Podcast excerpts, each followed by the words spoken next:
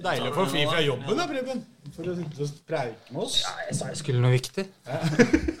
Det er å ljuge litt.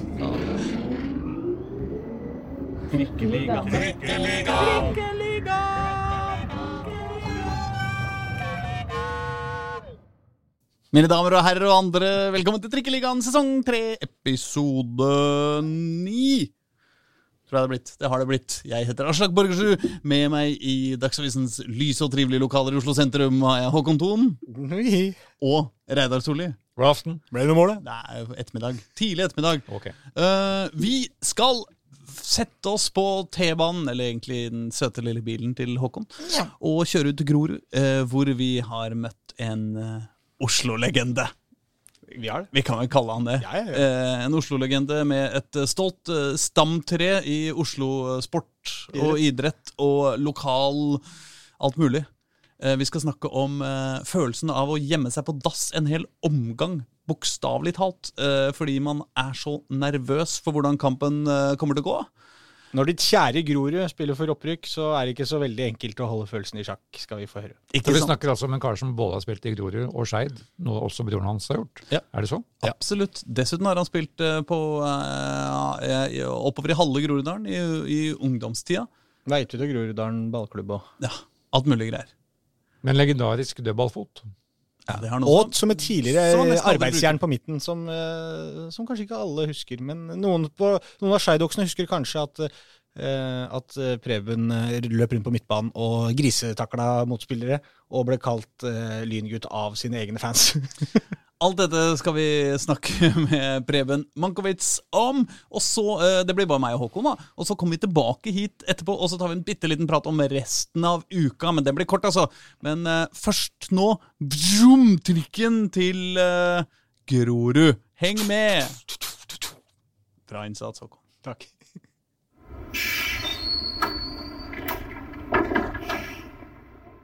Preben Mankowitz.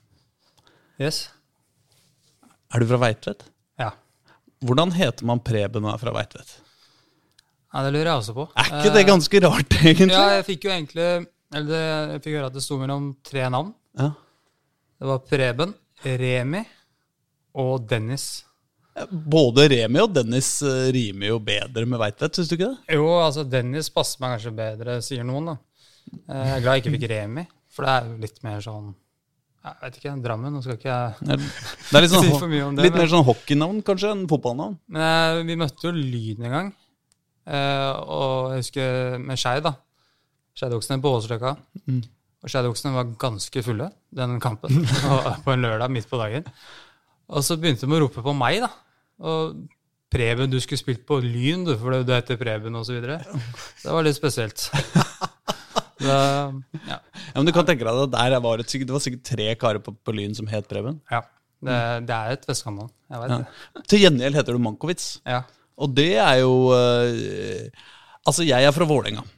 Og uh, på Vålerenga så er Mankowitz et uh, velkjent navn. Uh, fordi på Jordal skole så har det vært en gymlærer i alle år som har lært unga boksing. Eh, ja. Det eh, er og- onkelen din Max. Ikke sant? Ja. Det er onkelen din, Max mm. Mankowitz, ja, som var europamester i kickboksing eller annet sånt i sin tid. Ja, han har vel bronse-VM, kickboksing òg. Oh, ja, det er såpass, ja. Eh, Så jeg tror han har noe europamesterskap òg. Og faren min drev jo med bryting. Ikke sant? Eh, Så Mankors er litt tøffere. Det er det. Preben. Eh, Ja, det går noen rykter om han Max nede på Urdal her, ja. ja, ja, ja. Fra, fra skolen. Som jeg har hørt fra kompiser selv. ja, ja. ikke sant? Som er forteller deg historier om uh, Veit du han onkelen din har funnet på nå, liksom? Ja, Han har uh, hatt noen av de tøffe gutta på Urdal her i bokseringen og låst døra. Så, ja. Men da, han, sa, han kompisen sa det at eh, det ble jo det ble folk av dem, da. Ja. Så han, eh, han er ganske god med de gutta der nede. Mm. Men både faren din og onkelen din er eh, er eh, eh, hva heter det? Kampsport var ordet. Jeg skulle ikke si sånn voldsutøvere, det var ikke det jeg mente. Men, sånn, men sånn kamp, kampsportfolk, da. Og både du og broren din eh, ble fotballfolk. Ja, det var vel egentlig mer fordi det var egentlig bare fotball rundt oss da jeg var liten. Mm. Eh, Jeg var med på noen bryteøkter. Eh, Litt for tungt for meg. Og litt for eh, Altså, det var ikke noe for meg, egentlig, rett og slett. Det, treningen der er for tøft, rett og slett. Så det var mye morsommere å spille fotball. Men du har sikkert hørt det før, du har liksom bokseskuldre. Ja, jeg har hørt at jeg har egentlig bra bein for å drive med bryting. Og lavt hundepunkt, for jeg er ikke akkurat den høyeste.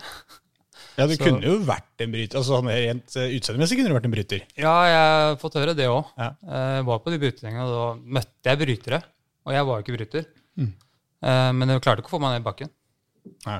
For jeg var så lavt nede, og det var vel kanskje noen av de største gutta som slang meg rundt. Men eh, de som var på min vektklasse, klarte ikke det. Så Så det er kanskje noe med hvis du slår sammen Preben og Mankovic, altså navnet Preben og navnet Mankovic, så får du en fotballspiller, da. En litt tøff jeg fotballspiller. håper det. Jeg er den tøffeste akkurat nå, Nei. men jeg var det før. Ja. Eh, Spesielt i Skeid. Da var det egentlig bare ryddegutt. Løpe rundt og drive med dueller. Så jeg er jo Litt sånn enforcer, liksom? som Ja, så jeg var litt sånn tøffere Mm. Type før. Litt mer sånn kampsport. eh, Du vet sånn Du var på en måte det Christos Aferis var forrige sesong på Grorud, på en måte.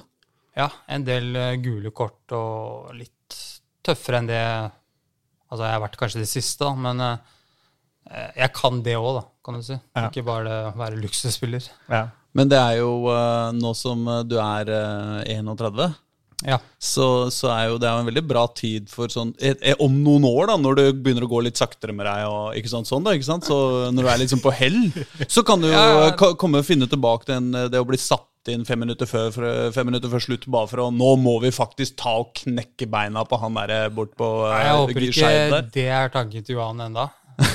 Nei, men om noen år. eh, Ja, om det er viktig år, å ha ja. utsikter. Nei, jeg, jeg vet ikke om det er eh, helt den veien jeg vil gå. Å være den spilleren som kommer inn og skal bare lage helvete. Men eh, ja.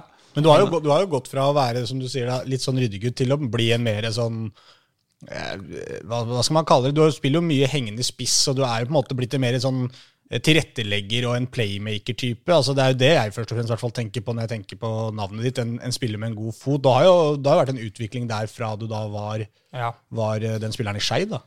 Ja, i Skeid, altså Eller de første årene i Skeid så var jeg jo egentlig eh, Spilte jo i en 4-3-3, så spilte jeg dyp. Mm.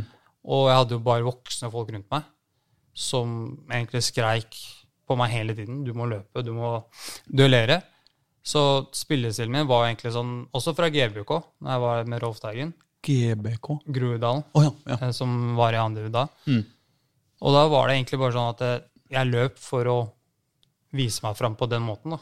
Mm. Og var egentlig bare Jeg skal bare duellere, løpe rundt, holde på. Og så, da jeg ble litt eldre i Skeid, eh, så ble jeg flytta framover på banen.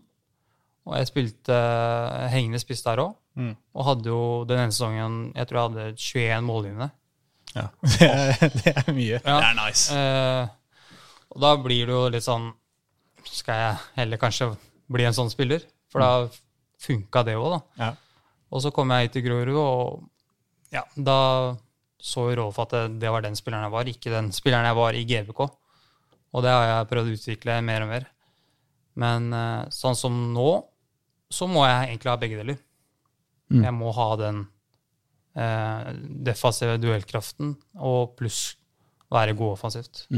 Så kanskje har det egentlig vært en god ting, da, den utviklinga du har hatt. Altså har gjort deg til en Ja, ja, kanskje mer komplett eh, spiller, selv om du kanskje de første øra eh, i Skeid løp litt rundt der og som du sa, Mm. kanskje ikke tenkte så mye over faktisk hva du gjorde, bare gjorde det du egentlig fikk beskjed om. Men Ja. det var nok litt lærdom i det òg. Så er det jo litt sånn at man har jo forskjellige roller i et lag. Eh, Sånn som da jeg var i, i, i Skeid det første året, så var det jo Tom Erik Breive, eh, hvis dere husker han. Ikke jeg. For mange år siden. Han spilte i Adeccoligaen, han gikk til Sarpsborg. Han var jo den playmakeren. Så jeg skulle bare løpe rundt og gi han ballen, jeg. Ja.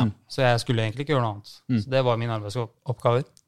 Så Men tenkte du på Kom- det tidspunktet at jeg, skulle, jeg, skulle, jeg vil ha noe mer ut av fotballkarrieren enn å gjøre dette her? Eller bare tenkte man at sånn veldig der og da at nå gjør jeg det jeg skal, og dette er rollen min, og, og leve med det, på en måte? Nei, det var jo egentlig det Altså, jeg tenkte at det var rollen min, at jeg skal være ryddegutten på midten. Ja. Og så Men du var tilfreds med det òg, på en måte? eller? Ja, der og da så var jeg det. Ja. Men nå, hvis du hadde sagt til meg nå, nå skal jeg bare løpe, Mm. så hadde jeg blitt litt Da hadde jeg kommet med noen uh, motargumenter. Ja, ja. For nå er det du som er en av de, de eldre rundt Mm. som roper til han unge på midten at 'nå må du løpe og jobbe her'. Ja, ja. Ikke Jeg altså setter- satt på ja, jeg en setter måte, da. Ja, jeg setter jo krav sånn som de gjorde, de eldre jeg spilte med òg. Mm. Men uh, jeg må også gjøre den jobben, jeg òg. Jeg skjønner jo det. Og det gjorde jo de eldre i GVK og i Skeid. Mm. Eh, så ja. Jeg lurer på Groruddalen eh, Var det ikke de som spilte Var du med og spilte en cupkamp mot Fredrikstad en gang? Jeg lurer på om ikke det var mot Groruddalen. Jeg var oppe og så dem. Det var kjempemye folk oppe. De spilte jo på Grei der, om ikke det er Grei i nærheten? Jo, jo hjemmebanen var på grei der. Ja. Eh, Men at jeg var der og så en cupkamp, nemlig, som det var veldig mye folk. Som kan hende at vi møtte Det husker jeg ikke. Nei. Jeg tror vi møtte Jo, kanskje det var det. Ja. Det er så mange år siden da. ja, det begynner å bli en del år siden. 15 år siden. Jeg bare var der, så jeg tenkte det var morsomt hvis du spilte kampen. Det GBK-laget var jo Det var jo dritbra. Ja, det var. Der også var det sånn faste roller på hvordan du skulle være på laget. Mm. Venstrebekken skulle drille og gå hele tida, og venstrekanten skulle løpe inn. Mm. Eh, og jeg skulle bare løpe og takle.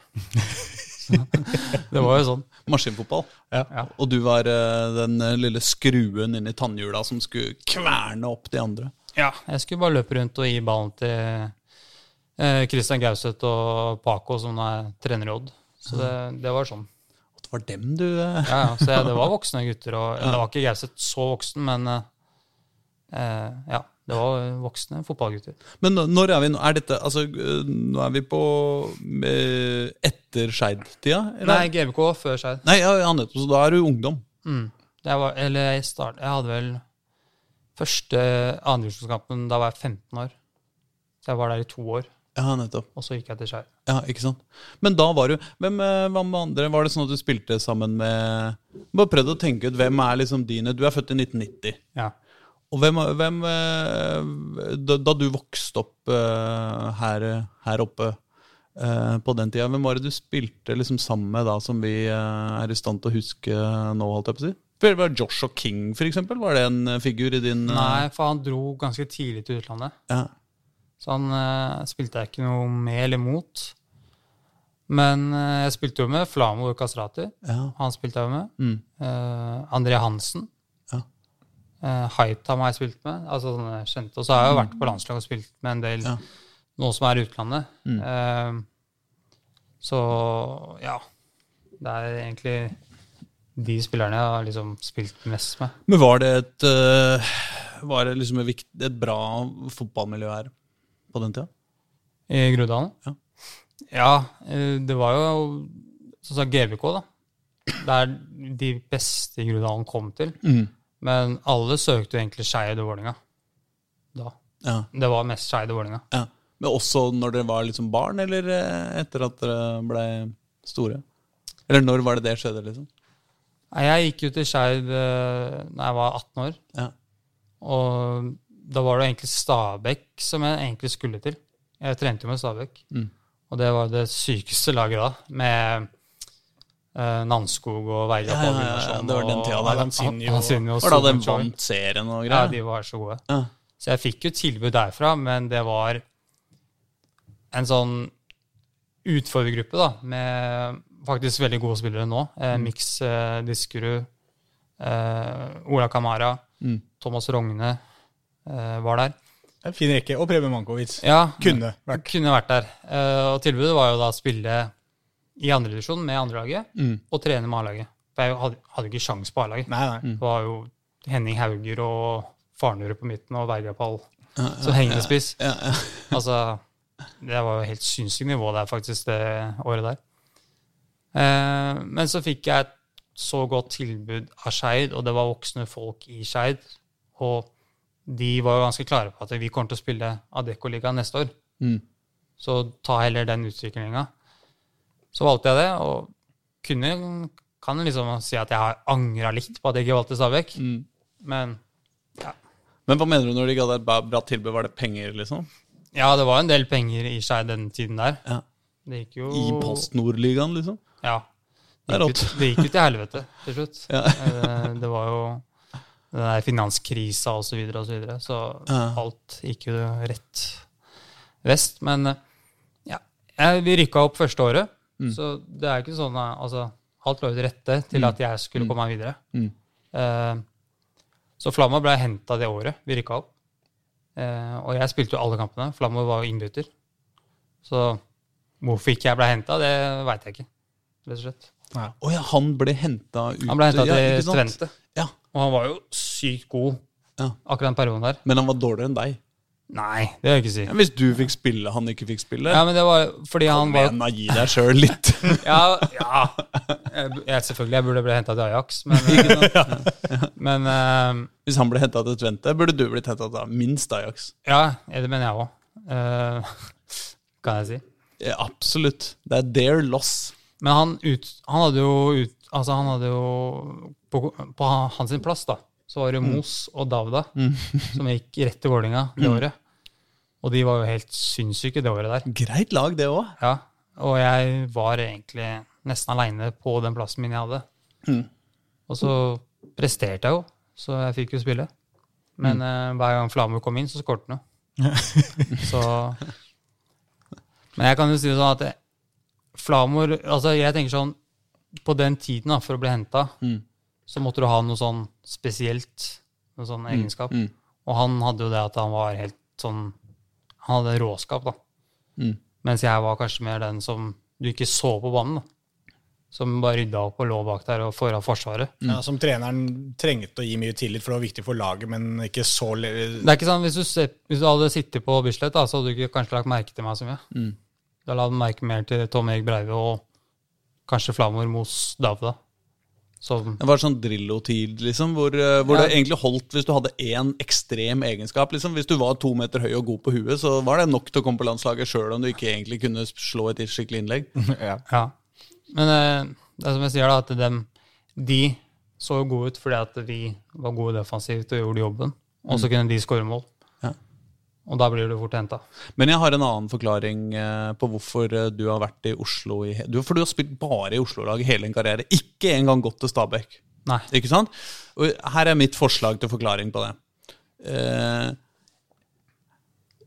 onkelen din, Jordal skole, eh, ikke sant? idrettsutøver, og så bli på, være på Jordal skole, være i boksemiljø og i kampsportmiljø, og bygge seg en skikkelig sånn eh, Som en sånn eh, Hva heter det det, det fine ordet man sier om idrettsledere? på en måte, Ildsjel. Og, og på en måte lokallegende. Ikke sant? Far din, samme historien på en måte. ikke sant? Eh, Topp topp idrettsutøver. NM, norgesmester i bryting, alt mulig. ikke sant? Bygger opp eh, og Grorud og er rundt her og er en sånn idretts... eh, ikke sant? Eh, Oslo-legende. Dere har et sånn Oslo-legendekompleks i din familie. Dere skal være Oslo-losen hele gjengen og være lokalhelter. Ja, kanskje litt. Eh, men Nabolagets kjendis, liksom. Ja, altså, Ja, det er Kanskje jo ikke kjendis, men liksom eh, sånn, eh, ja, ildsjel? Eller sånn, eh, sånn en som, den, de som folk ser opp til i nabolaget, på en eller annen måte? Ja, og så er det jo litt sånn at det, en, det har vært så jævlig bra miljø her, da. Mm. Med kompiser og så videre. Så du ender opp med liksom Her vil jeg noe. Her vil jeg oppnå noe. Mm. Og så har det ikke vært alltid sånn her i Grorud at man har tenkt Oi, her kommer vi faktisk til å ende opp med det bygget vi sitter i nå, eh, å være i Obos. Mm. Det har ikke, egentlig så er det ikke mange som har hatt så veldig mye troa på det. Mm. Når vi hadde de brakkene og det så ikke ut her, rett og slett. Ja. ja, for nå sitter vi jo bare, for de som ikke kan se det, hvilket er lytterne, så sitter vi jo nå i det splitter nye flerbrukshallen på Grorud med panoramautsikt over en litt uh, islagt Ja, den område. utsikten men- her er ikke akkurat Nei, greit da, greit ser da. Men du, så ser det bedre hvis du vi, flytter huet litt med vinkelsynet, så ser vi banen, og, Mm. og eh, det, har skjedd, det har skjedd et par ting her. Ja. Nei, jeg var jo Altså, jeg var jo Jeg var 14 år. Da fikk jeg tilbudet fra utlandet. Mm. Eh, Jeg fikk ikke høre så mye om det, da. Men eh, det var visst eh, store klubber som ville ha meg på prøvespill. Det var Bayern München, eh, Bolten eh, og så La meg bare skyte ned at Bolten på den tida var kanskje litt bedre enn Bolten i dag. Ja, for Bolten det var, det var et Premier League-klubb ja, da. ikke sant? Eh, og så var det vel Jeg tror det kanskje var Leicester. Og så var det ett lag til i Tyskland som ville ha meg på prøvespill. Og så dro du ikke? Nei. Men jeg fikk, som sagt, jeg fikk ikke høre så mye om det, for det, det var vel snakk om at jeg, de var usikre på om det var så seriøst. Og så, altså jeg, Jeg vet ikke, jeg husker ikke. Ja. Men jeg husker at jeg var i hvert fall sur for at jeg ikke fikk vite mer om det der og da. Um, Ja, fordi Uansett hvor seriøst det kunne vært, så kunne du i hvert fall da vist litt uh, mer interesse over at ja, altså bare fått en uke. Om jeg hadde ja, fått en uke, så hadde det vært kult. Ikke Ja. sant? En uke i Bayern München, det er uh... Hadde i hvert fall fått treningsdressen, liksom. Ja, og bare hatt uh, kanskje noen bilder Ja. å se tilbake på. Ja. Og slått en luke på en og annen uh, stor spiller. Ja, og uansett om det ikke var A-laget. Jeg tror ikke det hadde vært A-laget, men Ja. sikkert et Men noen som kunne blitt, da. U-lag, da. Mm. Men var det faren din som satte ned foten, liksom? Nei, jeg husker ikke hvem det var, men det var noen folk rundt meg da som det var snakk om, da. Mm. Men det var ikke Jeg husker, det var i hvert fall ikke pappa. Men eh, ja, det er Det har bare blitt sånn at jeg har vært i Oslo. Ja. Men eh, Jeg vet ikke om det er fordi at jeg har lyst til å være en Oslo-legende, men jeg hørte jo på det Obos-magasinet at de sa at Oslo-legenden Preben. Jeg ser ikke på meg selv som det. Det er vel noen her i Oslo som er større enn meg. ja, men altså Men det er forskjell på å være stor og være fra Oslo. Og eh, å være en spiller som faktisk har spilt hele karrieren. Altså du kan si, Som vi om i stad, da, Joshua King for eksempel, som, som er fra Oslo, men som aldri har spilt egentlig noe, noe seniorfotball i Oslo. Da er du ikke en sånn sett eh, Oslo fotballegende i, i så forstand. Altså, du, er en, du er en av de beste spillerne som har kommet fra Oslo. Det er på måte, det er forskjell der, da. Og det var liksom Faisal sa i den derre Grorud Underdogs-serien også. Hvor jeg synes han hadde et ganske fint sitat. Jeg husker ikke ordet hva han sa, men det var et eller annet sånn, hvis jeg hadde dratt til Viking for eksempel, og spilt der i to sesonger, hva hadde jeg på en måte sittet igjen med da? på en måte? Så her kan man være med å bygge opp noe liksom, Ja. sammen med, med gode venner, og, og på en måte en klubb som jeg virkelig bryr meg for i et område som, som er meg, da, på en måte. Nei, det er jo Jeg har tenkt litt på det sånn Det opprykket vi hadde med, med Grorud Jeg husker den festen vi hadde. Vi festa inne i garderoben i to og en halv time. Det var Jeg tror det var litt spesielt, fordi alle følte på som at vi har bygd noe selv. Vi er det første laget som er i Obos. Og det er spesielt ikke sant, for alle som er fra Groruddalen. Og jeg rykka opp med Skeid, men det, jeg følte ikke at det var det samme da, Nei. i det hele tatt. Eierskap til det, på en måte. Ja, litt eierskap, og at liksom Groruddalen og Grorud er et symbol på alle i Groruddalen. Mm. For vi er det første laget i Obos. Mm. Og det, det er alle som rykka opp den dagen, er jo historiske, kan du si. mm. Og det er jo litt kult. Det er ingen andre som kommer til å kunne si det seinere. At de var de, de var de som første gangen tok eh, Grorud opp til Obos-ligaen. Liksom. Nei. Og du skåra jo matchen nå. Ja, det gjorde mm. Jeg Ja, for det, men var det, var det borte? Hjemme? Nei, det var her. Det var, her. det var her. Det var ganske spesielt. Det var, nå er vi i 2018 eller noe sånt? 19, vel. 2019? 2019, ja. ja. Nei, det var jo ganske spesiell uh, avslutning, det. Ja. Måtte vinne de to siste kampene borte mot Alta, Ja. og hjemme Mot hos Alta? Ja, Åh, det er jo litt av I en I den hallen. Ja. Og Alta hater oss. Gjør de det? Ja. Hvorfor det? Nei, det er sånn vi har møtt dem før, og det har vært um, mye krig på banen der. Ja. Så Og så var det noe med øh, Dette har vi om noen ganger før, men opptakten til dette. Og dere var jo ikke spesielt god form heller, husker jeg, Nei. på tampen av sesongen der. Hadde, altså, dere hadde jo egentlig ligget veldig godt an, og så hadde begynt å minske på en måte, det forspranget. Dere så at søren, dette kan ryke. Og så skulle du opp til Alta, lang tur, vanskelig bane og alt dette her. Og den kampen der, Mange snakker om den framkampen, men jeg husker vi snakka med Kjøne om det, at det var egentlig den Alta-kampen var kanskje nøkkelen til det hele. fordi da, da skjønte man ok, vi har det i oss, på en måte. da. ja, det var Vi tapte jo en del kamper før den kampen, tror jeg. Ja. Og så gjorde Åsane det samme, som krigde mot oss. Mm. Og så tenkte jeg, hvorfor kan vi ikke bare vinne, hvorfor kunne vi ikke bare vunnet de kampene før? Så hadde vi nesten opprykket vært klart. Mm. Men så drar vi opp til Alta fredagen, vi har kamp lørdag. Eh, og så trener vi, og jeg merker at det er et eller annet sånn at vi kommer til å vinne kampen her. Mm. Og så på kvelden så ser, er vi alle samla inne på et hotellrom, alle gutta, ser på en skrekkfilm, og vi bare kødder og holder på. Det er helt sånn avslappa stemning. Skrek, du mener dere så, rep dere så reprise av forrige hjemmekampen? Ja.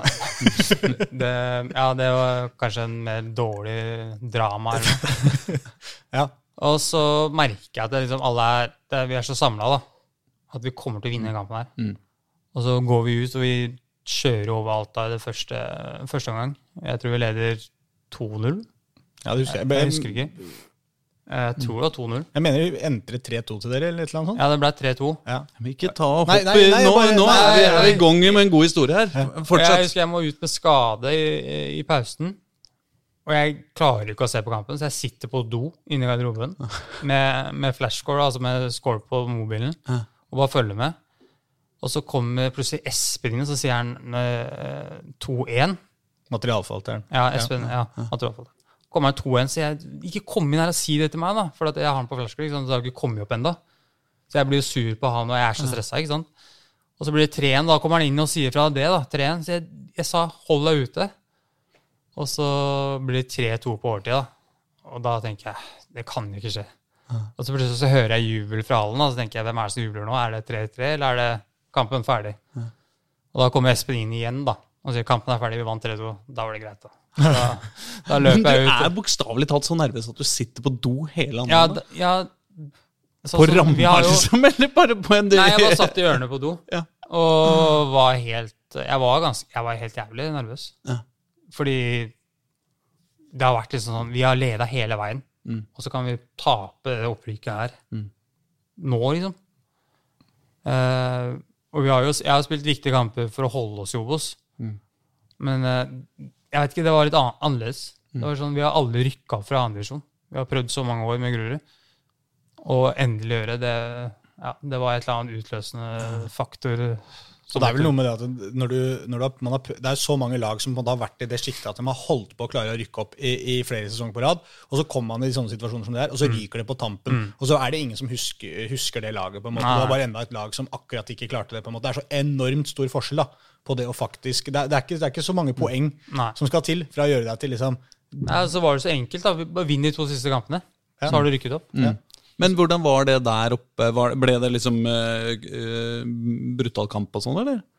Ja, det var en tøff kamp. De hadde jo faktisk I første gang så hadde de vel to i stanga eller noe. Ja.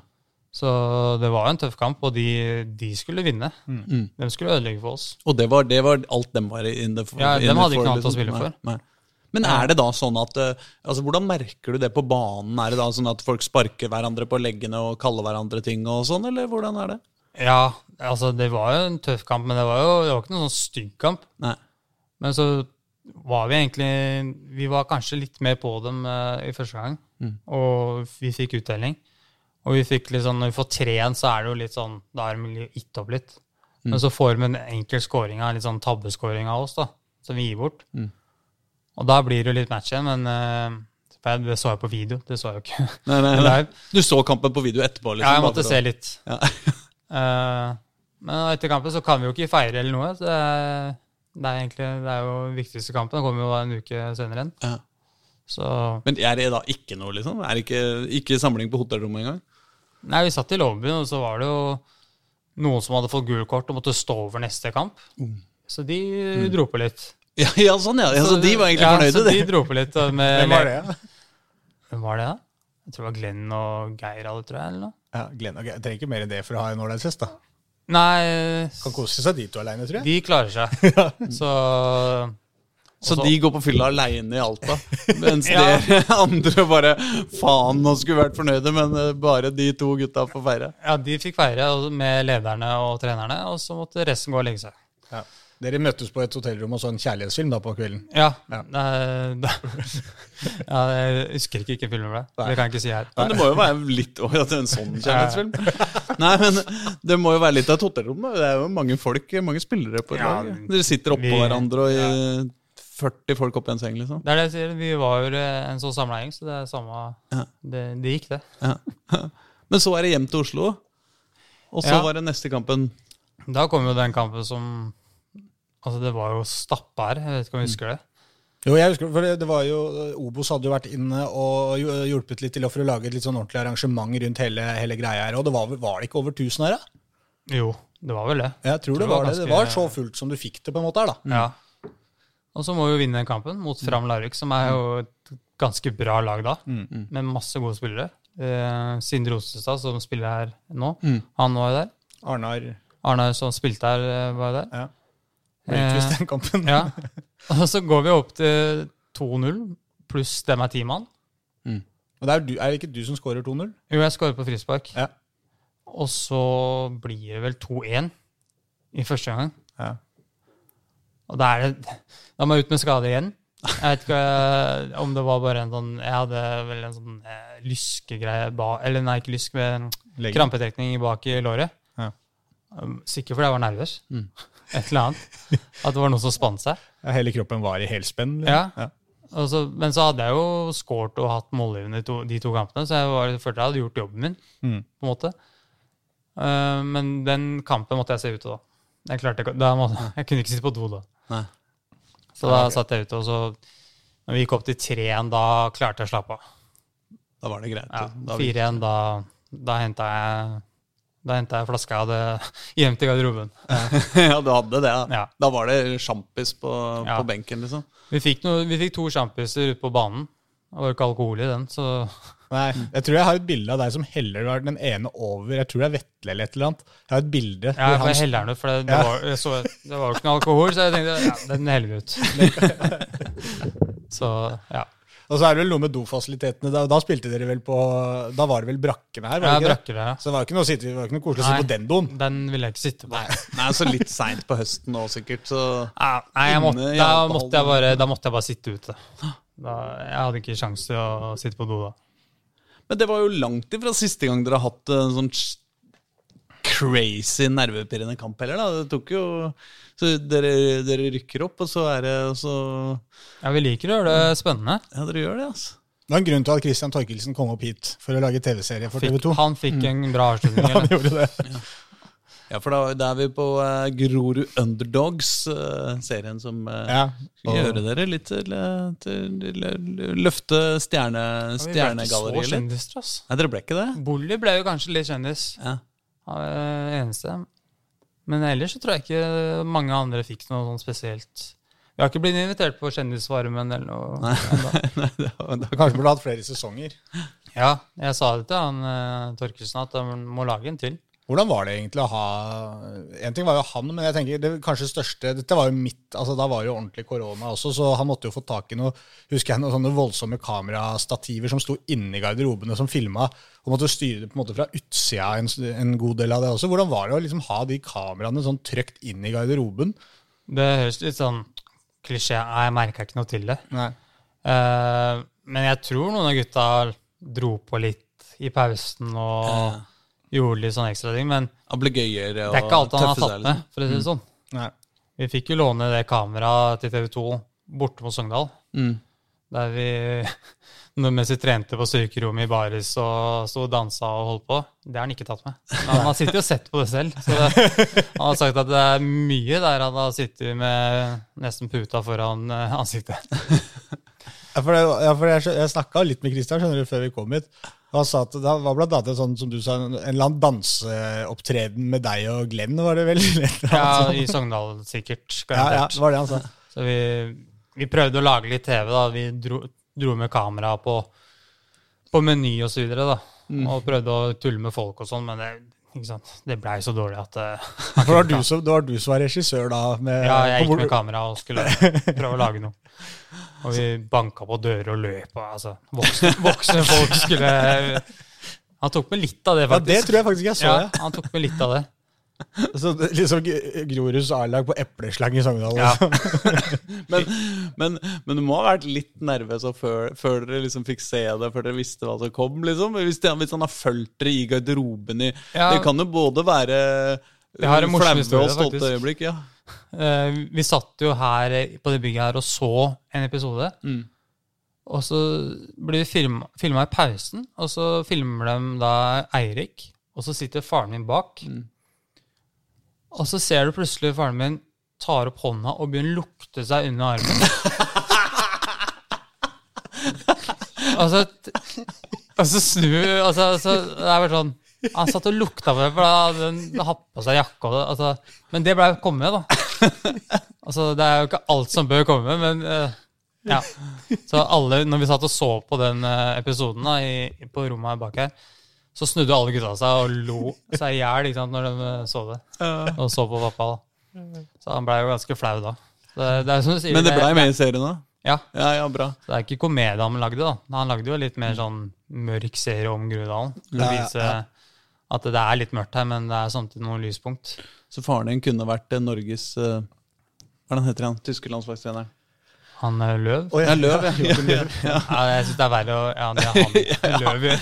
Han, han har det. Men han har mer flere kameraer på seg. Ja. Hvem veit hva faren din gjør når Nei, jeg bare tuller. Ja, det er akkurat det. da Når du har det kameraet, så må du passe på litt òg. Ja, ja.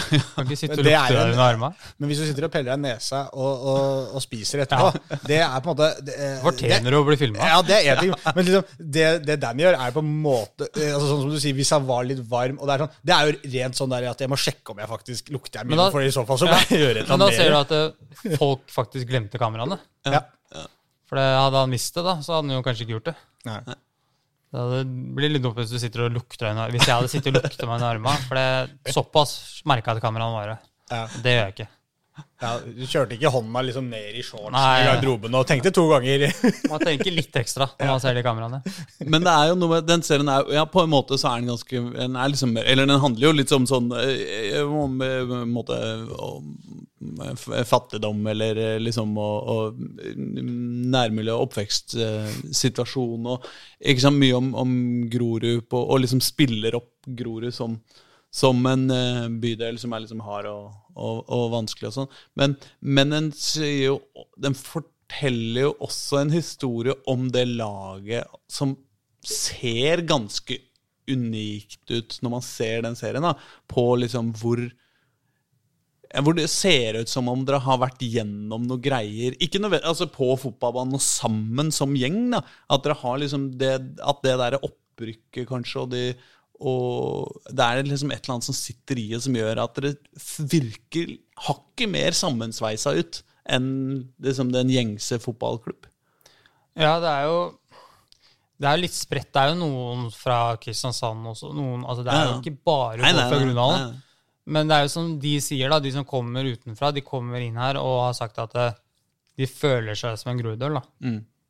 Og det er jo litt sånn Den serien bygger opp på at det er eh, tøft miljø her, osv., og, så videre, Mm.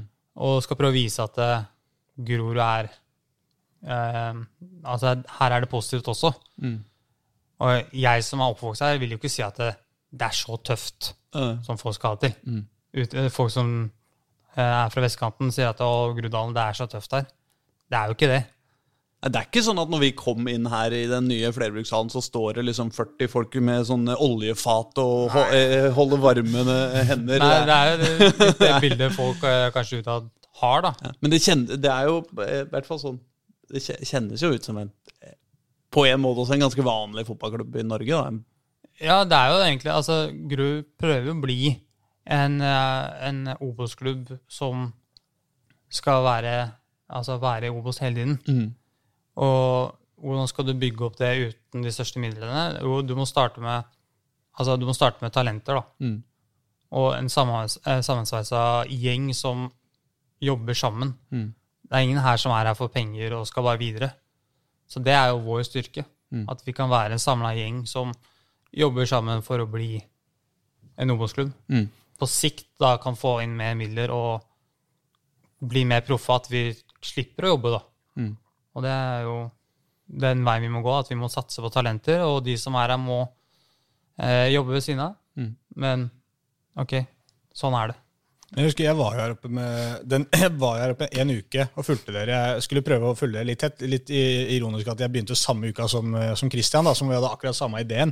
Men begge hadde vel et mål i hvert fall om å prøve å finne ut av noe av hva er på en måte suksessen til Grorud. Hva ligger på en måte, hvorfor, Hvordan har dere blitt det første laget fra Groruddalen som har klart dette? Hva er, liksom, hva er annerledes med den klubben? der? Som du sier, det er ingenting som, eh, sånn utenfra som ser ut som at dette laget her skal kunne spille i førstedivisjon. Og da husker jeg at jeg det som jeg på en måte kom fram til, det er jo flere ting, selvfølgelig, da, men eh, det som var inne på, eierskap til det. altså Alle spillerne på det laget her virka som de eh, var veldig stolte av produktet. Dette hadde vi bygd opp sammen selv. Eh, Eirik og disse som var inne, en del unge folk, både på banen og i trenerteamet, som du sier, kanskje ikke eh, som ikke er her fordi det er lukrativt, men fordi man på en måte man vil uh, ha en stor karriere. Du ser det på alle salgene man har gjort, også med Aga, Kristos og Høyland, alt som har gått ut av klubben her de siste åra, også, og Kornik og alt det her. Så er det sånn Folk, eh, ja, de skal kanskje videre, Men på en måte når de er her, så spiller de for Grorud, og de drar med seg på en måte klubben i det dragsuget, at dem skal opp og fram. Og dem kan ikke komme seg opp og fram. og det er den der, eh, Dere har forstått, eh, forstått det innad i gruppa at det, hvis du skal til Djurgården, Leo Kornik, så er dette laget her nødt til å være gode. Og da må du gjøre den jobben Ja. du blir satt til å gjøre. Og så, sånn har dere på en måte dratt den klubben sammen da, med en del eh, unge spillere. Og i tillegg husker jeg med det der, som du sier, med at eh, nærheten til Groruddalen og de greiene her. Vi snakker om Kristiansand, og, eller Sørlandet, og, og Jon Ole som var her, og Eirik som var her, og Johan som fortsatt er her, og alt det her. Så den uka jeg var her, den avslutta jo med at dere skulle møte Ranheim, var det vel, her hjemme, tror jeg. Ja. Og da, da sto jeg på utsida av døra i- utafor garderoben deres og hørte på en måte peptalken til eh, Eirik før kampstart. Og det var en sånn veldig sånn brennende innlevelse og kjærlighetserklæring på en måte til Groruddalen som han kom med da. Som var sånn, vi er alle fra Groruddalen. Ja, noen av oss er herfra, noen er herfra, men vi er alle groruddøler her inne i denne garderoben her, og vi skal ut og kjempe på en måte for Groruddalen. Og sånn, som du sier, Når han står der på kav Kristiansand-dialekt, så kan det høres litt rart ut, men samtidig så tror jeg faktisk at han mente det 100 og dere kjøpte det 100% også, og har klart å samle dere rundt på en måte dette området av, av byen. da. Ja. Nei, jeg, altså, spørsmålet er hvilke grunner jeg tror da, for at, at Grorud er der de er i dag. Så tror jeg det er, det er mange svar på det. Og så er det jo eh, Jeg må jo si Eirik Skjønne, da. Som er kanskje en av hovedgrunnene til at Grorud er der vi er i dag. Altså, jeg kan trekke fram Rikard, jeg kan trekke fram mange eh, bak han også, rundt han. Og, og Rolf Teigen, som starta jo liksom den røde tråden som Eirik tok opp. Men Eirik gjorde mye smart når han tok over. Altså når han fikk sjansen av Grorud, som var eh, ganske tøffe, som lot han satse på, altså satse på Eirik. da. Og han hadde en del spillere da som dro, tok det valget selv. Eh, mange gode spillere, men de var gode enkeltvis. Og så fikk, fikk de bort de, og så klarte Eirik da å skape en gruppe og et lag som, som du sier, da, som var sammen. Og han gjorde jo meg, eh, Faisal eh, og Emilio, som var her da, til ledere. Og han bygde jo da en Han bygde ikke bare lag, men han bygde en klubb da, til å liksom Det er oss mot alle. Og da fikk man liksom på en måte en tilhørighet, da. Og man fikk eh, lyst til å gi alt for Grorud. Så Eirik skal ha mye ære, og så har jo Johan tatt det videre på sin måte. Eh, mye av det er Eirik også, for de har jobba jo tett sammen. Um, så det er det å Som du sier, da, at, det, at hva skal Grorud være gode på, da? Skal de hente spillere fra De kan jo ikke det. Så det er som du sier, unge spillere som kommer hit, de må, de må spille for Grorud. Og, og gi alt for Grorud før de kan dra videre. Og det, det har også Eirik vært flink på. Da. Altså, han henta jo spillere, typer som han visste ikke var egoer. Sånn som Leo. Hvis du sa noe til Leo, så gjorde han det. Han sa ikke 'hvorfor skal jeg gjøre det'? Han gjorde det, og da ender han jo opp i Sverige til slutt. Ja. For han Og det er de, ty de typene som har blitt henta hit også. De, de er eh, ordentlige gutter, gode gutter, som vil noe med fotballen, og vil noe med Grorud. Og da blir jo, summen blir jo at de kommer seg ut, og Grorud blir bedre. Og en, og en liten effekt av det der at man, at man på en måte eh, samler seg og tenker at det er oss mot resten, det gjør også at det, det gjør det litt vanskeligere å på en måte gå rundt og klage og sutre over at ting på en måte ikke å, vi, sant, vi har dommeren imot oss, f.eks. Å, nei, vi har, eh, vi, vi har ikke noe penger til det. Vi får jo ikke Nei, vi dommeren med får, seg. det er ikke sant, Vi får ikke noe gratis noe sted, da, verken på overgangsmarkedet, kanskje av dommere, kanskje ikke sant? Du føler, man, da kan, Når du har bestemt deg for at det er oss mot verden, så er det sånn, hvis ting begynner liksom å, å går litt mot deg, så blir det bare, bare styrker det egentlig den følelsen av at ja, det er faktisk oss mot Mm. faktisk alle sammen. og Det bare får deg kanskje til å jobbe kanskje enda litt hardere enn de andre. Og da blir man best da på noe. Mm. Det er akkurat som du sier, motgang Vi var faktisk ganske sterke i motgang. For når vi rykka opp, så lå vi, vi lå under elleve kamper vi, denne sesongen. Så lå vi under og klarte å snu det. Jeg tror det var elleve. Og det er ganske mye. Altså Når du ligger under og skal snu en kamp. Og det er ikke lett. Ja. Og det er som du sier, da. Altså, hvis du klarer å bygge den mentaliteten hos et helt lag, da blir det vanskelig å, å bryte gjennom, som du sier. da. Det må være ganske Det må være Det er ikke ofte det skjer, altså, at du snur elleve ganger i løpet av en sesong. Det må Nei, jeg, Nå kan det hende at jeg sier feil om det var 11, men det Jo, var, ja, men det var nå- ganske mange ikke sjekke det. Nei. Men det var ganske mange, og det, det Mm. er sjelden, som du sier. Men jeg lurer på én ting. Eh, fordi eh, midt oppi eh, alt Altså eh, Man kunne jo se for seg at det var én ting dere kunne ha til deres eh, fordel. Eh, og det er jo at eh, dere er jo fra byens eh, Fra Norges tettest befolka område. Eh, og eh, Og da burde det jo være mulig å virkelig vekke eh, publikum. Ja. Og så skal det jo sies bare, bare for, Fordi dette er jo noe som Altså, Vålerenga eh, fisker jo åpenbart i det samme publikumsmarkedet. Eh, og Vålerenga har jo mye supportere på Grorud og sånn. Men samtidig så er det jo åpenbart at liksom eh, Det er jo ikke sånn at minoritetsungdom i Oslo flokker seg veldig tett mot Vålerenga, sjøl om de sikkert skulle ønske det. Ja. Eh, er, er, er, hvorfor får man ikke til er det Jeg bare føler at verken Grorud eller Vålerenga egentlig har fått til, uh, fått til det der. der. Jeg tror det er litt todelt. Det må jo være, altså det må være kult å se på også, tenker jeg. Mm. Hvis jeg skal dra og se på et lag, så må jeg føle at de her spiller bra fotball. Mm. Og det følte jeg vi har eh, altså, altså når vi rykka opp, så var det sånn Ok, da er vi gode. Folk synes det er spennende. Mm. Og så for vårt første år i Obos så spilte vi jo kul fotball. Eh, og da kom Jeg syns det har tatt seg opp, da. Ut fra hva vi har forventa, hva vi er vant til. da. Ja, altså si for fem år siden altså, jeg mener, Det har jo skjedd jævla Ja. mye, men, men du skjønner hva jeg mener. at det, det kunne vært det dobbelte. Mm. Det er jeg helt enig i. Mm. Um, så nå som Det er litt mer nå. Men eh, og så tenker jeg at eh, det må være noen personligheter på banen hos på laget som Mm. de unge ser opp til. da. Og jeg merker jo nå at det står jo unge nå og vil ta bilder med oss etter kamp. og Ja. Det er jo en ny verden for oss òg. Mm. så jeg, du kan jo tenke deg at Vålerenga før når du var på Ullevål, så var det jo fullsatt noen ganger. For mange år siden, når det var, mm. når det var eh, Daniel Fredheim Freddy og Santos Det var noen typer da, som du liksom fikk et forhold til fordi de var Oslo-gutter. Ja. Og det kan vi bli flinkere til å dyrke i Groruddalen. Mm. Altså, du har jo mange herfra som du kan dyrke. da. Eh, Unggutter som Bolli osv. Mm. Som er gutter herfra som du kan få fram litt. da. Og det er jo media og oss som kan gjøre noe med. Mm. For å få flere på, på stadion.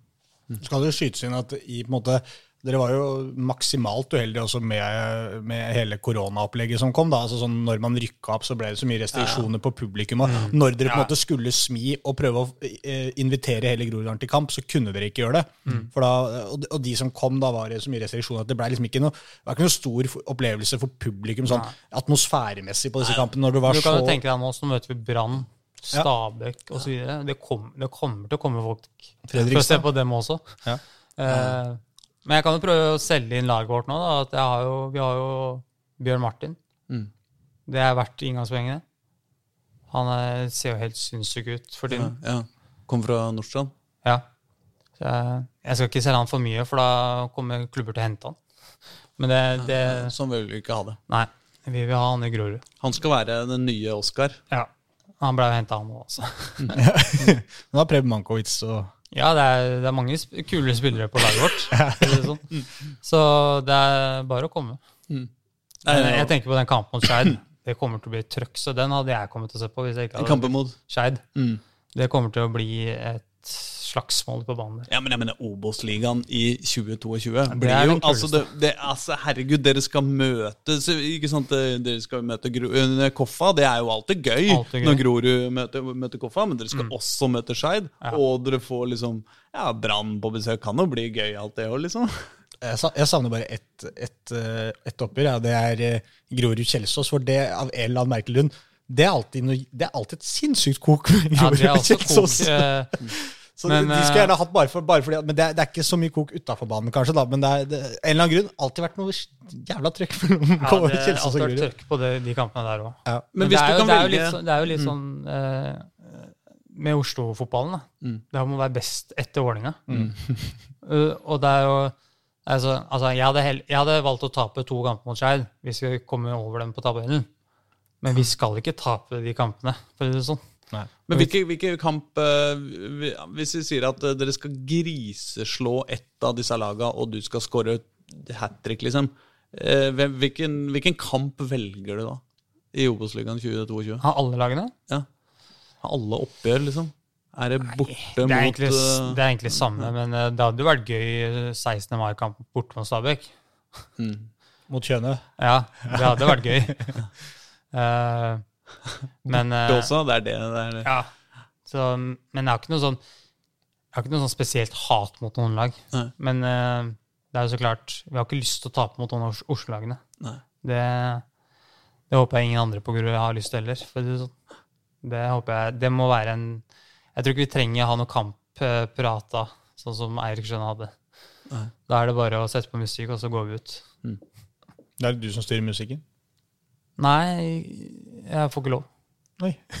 Får ikke lov? Nei, det er for sånn, eh, sånn Ibiza-musikk-aktig, litt sånn house. Men jeg, jeg hører på alt. ikke sant? Jeg hører på rap, hiphop, det er alt. Så dem skal ha noe sånn hardt, ordentlig, ordentlig hardt i garderoben. Så Å ja, sånn, ja, det er, spill, det er spille, du, Vi snakker ikke om stadionmusikk her. Nei, jeg snakker i garderoben, tenkte ja, jeg. Ja, er i garderoben, ja. nei. Mm. Nei, sta, på stadion det, det er vel Frode som styrer, tror jeg. Ja, det er det. Vi har gitt han en liste, men jeg tror ikke han bruker den. Nei, det blir, det, det blir Altså, i- det er jo en viktig tradisjon i norsk fotball at det skal spilles gubberock eh, på stadion. Ja. Ja, det var vel en pauseunderholdning her. Det var vel sånn der drikkesanger. ja, russesanger. Russesanger. Ja, og Twitter var jo helt eh, Jeg husker at Twitter eh, ja, Vi ble sjøl på Twitter da. Altså. Det var vel den ene gangen han prøvde å sette på spillelista deres, kanskje? Det da. Nei, det var ikke vår. Nei. Det var ikke vår. var noe han hadde funnet sjøl. Ja, det var noe som hadde gått over på noe Han hadde jo sene kvelder hos uh, Ja, på et, Knut og Espen. ja, sånn rødvinsaften der Ja. borte, ja. Men det var, det, det, han hadde jo en morsom her også, husker jeg. Da, da eh, det var det vel Grorud Eldre eller et eller annet sånt som hadde klaga litt på musikken. Ja. Og da husker jeg han var ganske fin, for da sa han det høyt i pausen. Det fikk jo sikkert ikke dere med dere, for da satt dere i garderoben, men da sier han høyt på liksom, Jeg har fått noen klager på musikken liksom, fra Grorud Eldre, så i dag så har vi bytta ut hele spillelista. Og da kjørte han Jens Bukk Jensen hele, hele pausen. Det er godt vi er inne i pausen. Men uh, jeg har lyst til å komme litt videre til uh, Fordi altså Den første sesongen deres i, eh, i Obos-ligaen, det er jo den som ble vist på, på denne TV-serien, på Grorud Underdog. Så det var jo også Ja, han traff jo bra der, som du sa. Det, det ble jo en sjukt dramatisk eh, sesong som dere begynte Begynte vel ålreit, og så gikk det litt nedover etter hvert. Var det ikke Ja. sånn det var? Som alltid. Jeg husker vi, vi når vi diskuterte det i, i, eh, eh, i trikkeligaen, da, at det var sånn veldig sånn det, dere, og, dere og Koffa hadde en sånn motsatt utvikling. At hvis, uh, Ja. hvis det hadde vært deres vårsesong og dems høstsesong, så hadde det vært, uh, Opprykk, hadde ja. vært opprykk på Oslo. Men, men, eh, men å alt, alle planetene på en måte går i bane, sånn at eh, Ikke i bane, men at eh, ikke sant, de, de tegner seg inn mot det der siste kampen på Åråsen, liksom. Det er jo også gøy, gøyalt lag å ha i Obos-ligaen, selvfølgelig. Hvor dere må ha poeng. Ja. Dere må ikke vinne, Nei, vi men må dere, må, dere må ha poeng. Eller dere vet vel egentlig ikke helt hva dere må ha heller. Det kommer jo litt an på hva Blink finner på, litt sånne ting òg, men eh, Ja, Var det ikke sånn at vi måtte ha poeng? Jeg, jeg tror, tror- det holdt. Ja, for jeg sjekka vel sjekka ikke jeg tabellen her. Hva var det jeg sa for noe? At det var, endte med Ja, men dere måtte ha poeng for å ikke komme på kvalik. Men nedrykket Nei, var jeg, husker- eller, nei, ja, det var jeg noe. mener at det var at vi måtte bare ha poeng for å holde oss, rett og slett. Ja, ja, nettopp. Men, eh, men, eh, men, Uavhengig av hva Blink gjorde, tror jeg. Men eh, kan ikke du fortelle om den kampen? For det, altså På Åråsen, og det er jo en stadion Det er jo riktignok til Eliteserien å være, så er det jo selvfølgelig en eh, gammel og sliten eh, stadion. Men Ja, det er også en, gress, en tung gressbane. Ja, ikke sant?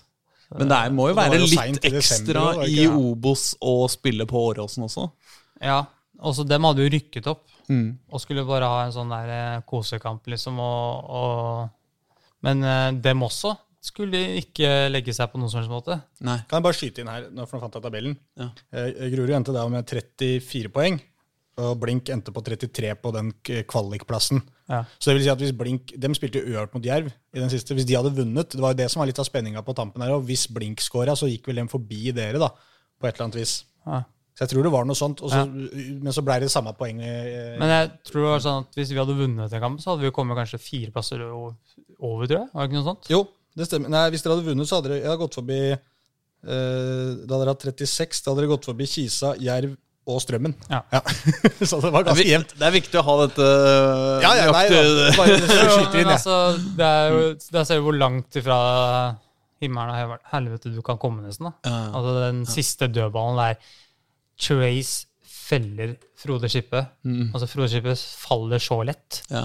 og så får de frispark. Og han er jo en kar på to meter, ja. Og, og han ser jo ut som en, en spiller som har spilt eh, skotsk knokkelfotball siden Ja. han var tre Han år gammel. han har vært, ja. Han er ikke en Eh, fyr jeg vil- det, det er lett å felle, tror jeg. For å si det sånn, Han hadde kjefta på motspiller som hadde falt så lett. Ja, Da hadde han gått bort og vært forbanna på han. Og så får de det, det fri, lette frisparket der, eh, det billige frisparket, og de scorer på det. Mm. Og så har jo Lene, Thomas Lene Olsen en, en, et skudd fra en volley fra rett utafor 16. Og han scorer på den, så hadde vi vært Da hadde vi ikke sittet her nå. Men føler du at når dere er utpå der, at dere er på nivå med dem? liksom? Er dere, eller er det sånn at de er mye bedre enn dere, og dere må håpe på flaks? Eller hvordan er det? liksom sånn? Den første gangen, da hadde de så mange sjanser at jeg tenkte hvordan, hvordan skal vi klare å holde nullen her? Mm. Altså, Emil han sto jo sin livskamp, og de var jo rundt 16 år hele tiden. Og så hadde vi jo noen sånne små sjanser i første gang som kunne blitt ganske store. Mm. Og så til pausen så prøver vi bare å holde motet oppe. Altså vi føler vi er med i kampen. Mm. Altså det er 0-0. Altså vet vi jo at eh, får vi ett mål, så, så er vi sikra nesten. Og så husker jeg at det kom et sånn sinnssykt fyrverkeri midt i kampen. Ja. Mm. Akkurat når jeg skal ta frisparken, når jeg slår til Nico og Jeg tenkte, jeg skvatt nesten altså når jeg slo. Og så klarer Nico å få akkurat en fot på ballen. Så er det broren min Kevin som eh, Jeg sier jo den dagen at han filma. Mm. Og han sier jo det selv. og det er sinnssykt bra filming, for det ser jo ut som straffe. Og så får vi straffe, og Aga setter jo den.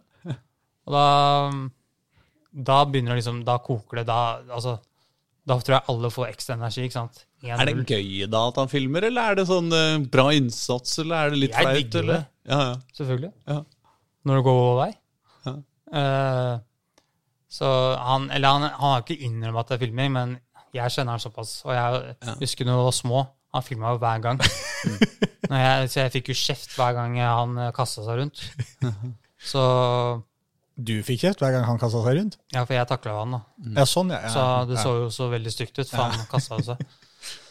Men uh, så er det jo ti minutter igjen, og ja, alle takler og løper rundt og kramper overalt, og så får du den skåringa. Og så, ja Så blir det 1-1, og vi holder oss, og det er grining overalt. Mm. Så Lillestrøm feirer jo at de rykka opp sånn halvveis, og så vi feirer jo enda mer enn dem. Mm. Men jeg skjønte, jeg skjønte at det var et eller annet du hadde sagt i forkant av denne kampen her, til en eller annen avis som eh, Lillestrøm hadde brukt til uh, et eller annet Ja, peptalken sin. At de hadde Ja. teipa opp en eller annen avisside, eller hva det var, inni garderoben sin. jeg skjønte ikke hva det var, var egentlig, for jeg hadde sagt Hva er det jeg sa? Men det var et eller annet bare med at vi, dere skulle vinne, og dere skulle ta tre poeng. Ja, jeg hadde sagt bare sånn eh, Vi skal gi alt å vinne, og et eller annet. ja. Ja, for det det var, hadde Lillestrøm da tatt seg nær av. Jeg var sånn nei, men da så kan jeg ikke si det neste gang. At vi skal vinne. Nei. Jeg husker ikke helt hva det var. Men Skal ikke så om mye det ble til å vinkla fyre. feil nå, det husker jeg ikke. ja, nei, det, ikke jeg heller. Det var, det var Christian igjen som jeg snakka med dette her, så han hadde hørt det fra et eller annet sted. da. Han mente at det var i Dagsavisen han hadde gjort det, så, men eh, vi klarte ikke å finne den saken i, i vårt arkiv heller, så jeg veit ikke helt hva det var for noe, men eh, Nei, jeg tror det var et eller annet om at det, de, Lillestrøm hadde rykka opp. Og da sa jeg et eller annet at de, de kommer nok ikke til å legge seg et eller annet. Et eller annet sånn at de, de kommer nok til å gi alt. det gi høres ganske uskyldig ut. Ja, altså At de kommer nok til å gi alt. Eh, jeg husker ikke. Eh, for jeg er veldig sånn at jeg, jeg skal ikke si noe feil om motstanderen for å gi dem ekstra fyring. Nei. Det gidder jeg ikke. Det kommer ikke til å skje. Hvorfor ikke det? Nei, Er ikke det greit, da? Det for det blir jo litt Nei. fyring på din side også. Jo, men altså, jeg vil ikke gi eh, et lag ekstra motivasjon til å slåss. Heller motsatt. Jo, jo, men det er Altså, sånn som ikke Skei, da, når de legger ut eh, en TikTok-video Mm. av det skuddet de hadde i treningskampen her nå, sist. De gir jo oss bare fyring, Mm. som vi skal bruke. Men det er jo på en måte det man gjerne vil ha òg, da. Altså, fra vår side, i hvert fall. Ja, Så det, ikke ja det skjønner jeg det er sånn, så når du snakker om at man liksom skal bygge dette produktet den ene og andre veien, at det skal bli litt mer eh, publikum og trøkk, det er jo sånne ting som er Ja. litt gøy også. ikke sant? At man, men, men det må jo være ektefølt og, og litt sånn at det, Jo, vet du hva, nå skal de faen meg få høre der, altså. Jeg, ja, jeg, ja, jeg eh, skal fyre opp eh, under noen andre kamper, hvis dere vil det. Det. Men eh, nei, det kanskje, kanskje ikke siste kamp mot Lillestrøm, når det står om Nei, det kan jeg Obos-kontrakt. skjønne. ja. da gidder jeg ikke gi dem ekstra. Ja, men for du tenker at det virker så mye i en Ja, garderobe? det, tydeligvis for dem så gjorde det det. Ja, men Selv om du ikke sa, en, noe som helst? Ja, men liksom. du veit jo fra din egen ståsted. Dere bruker jo også dette her litt sånn Jeg vet jo at dere blant annet når det kommer tabelltips og sånne ting, ikke sant? Ja, det har dere brukt veldig aktivt. Alle tipper oss ned igjen. Alle mot oss. Ikke sant? Altså, sånne ting ja, kan man bruke. Ja. Men det er jo sånn, eh, altså når Lillestrøm har rykka opp, ikke har noe å spille for, så vil jeg jo ikke gi dem noe ekstra motivasjon for å ha noe å spille for. Nei. Men eh, når vi møter Koffa eller Skeid, så kan, vi, kan, dere, liksom, kan, så, ja. kan dere godt komme her og få en kommentar. Men for jeg mener, dere er jo Groruddal nå, liksom. Ja, Det skal jo være litt rann, eh, Litt sleivkjefta skal det være. Ja. Ja, skal det ikke det? Det, det, vi har en del spillere på laget som slenger med leppa. ja, ja. Vi har jo han Bjørn Martin som sto og feirer til motstanderne og eh, driller ballen i mål og tar hælspark inn i mål. Og, altså, det er jo det er jo sånn man skal ha det. Ja, ja, jeg er helt enig. Det er jo litt sånn er, Når han tar når det der hælsparkesaken i åpne målet der mm, mot Raufoss Ja, som stopper opp, nærmest. liksom. Det er jo litt sånn Petter Northug som stopper opp på målstreken. liksom, Bare for å, det, det gjør det litt gøyere. Men akkurat den feiringa hans foran Raufoss-supporterne, den er jeg litt usikker på om hva med vilje. Har du egentlig funnet ut av? Fordi Hvis du ser reprisen av den Han løper altså, det er her på Grurud, så løper han og scorer i målet som er lengst vekk fra klubbhuset her. Rett foran der hvor det står noen Raufoss-supportere. Og de står jo i gule klær. Ikke sant? Og han løper bort og steller seg opp med begge hendene over huet og jubler liksom rett mot dem.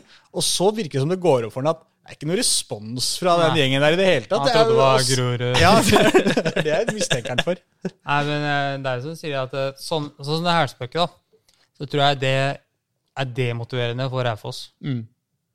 Og gir oss selvtillit. Ja. Men eh, ja. Nei, jeg, jeg er helt enig. Vi må fyre opp litt. Det skal, det skal, vi, det skal vi gjøre òg.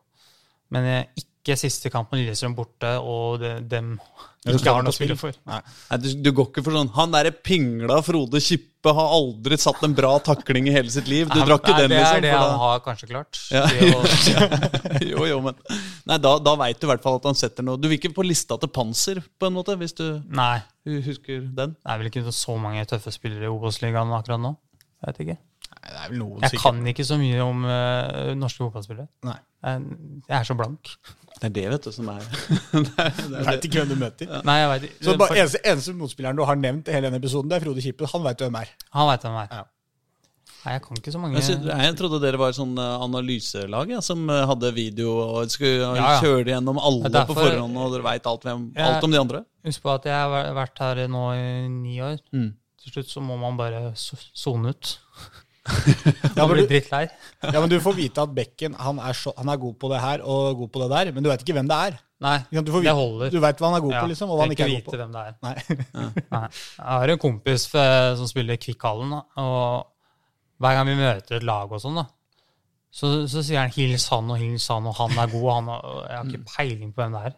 Ikke det, så det er akkurat sånn som vi andre har det på en måte da vi spilte fotball i ungdommen. Liksom. Ja, Det er de andre laga. De har han høye og han uh, Jeg kan faktisk veldig få spillere. Ja, er, det sånn som, du er, du, ja, er du sånn som når man var barn, når man varma opp, da, så løp man på hver side av banen, og så kikka man litt sånn over på det andre laget for å se Jøss, han var svær, altså, han ene der. Og han lille der, han, kan jo, han må jo være to år yngre eller en de andre, i hvert fall. Nei, jeg kan noen, altså jeg husker jo noen jeg har møtt, og, altså jeg kan jo noen da, Mm. men jeg, jeg er ikke så veldig god, nei. Men det er fordi alle de andre er så ræva, liksom. Det er, det. Nei. Jeg må prøve meg, vet du. det er for tidlig. Det er for tidlig.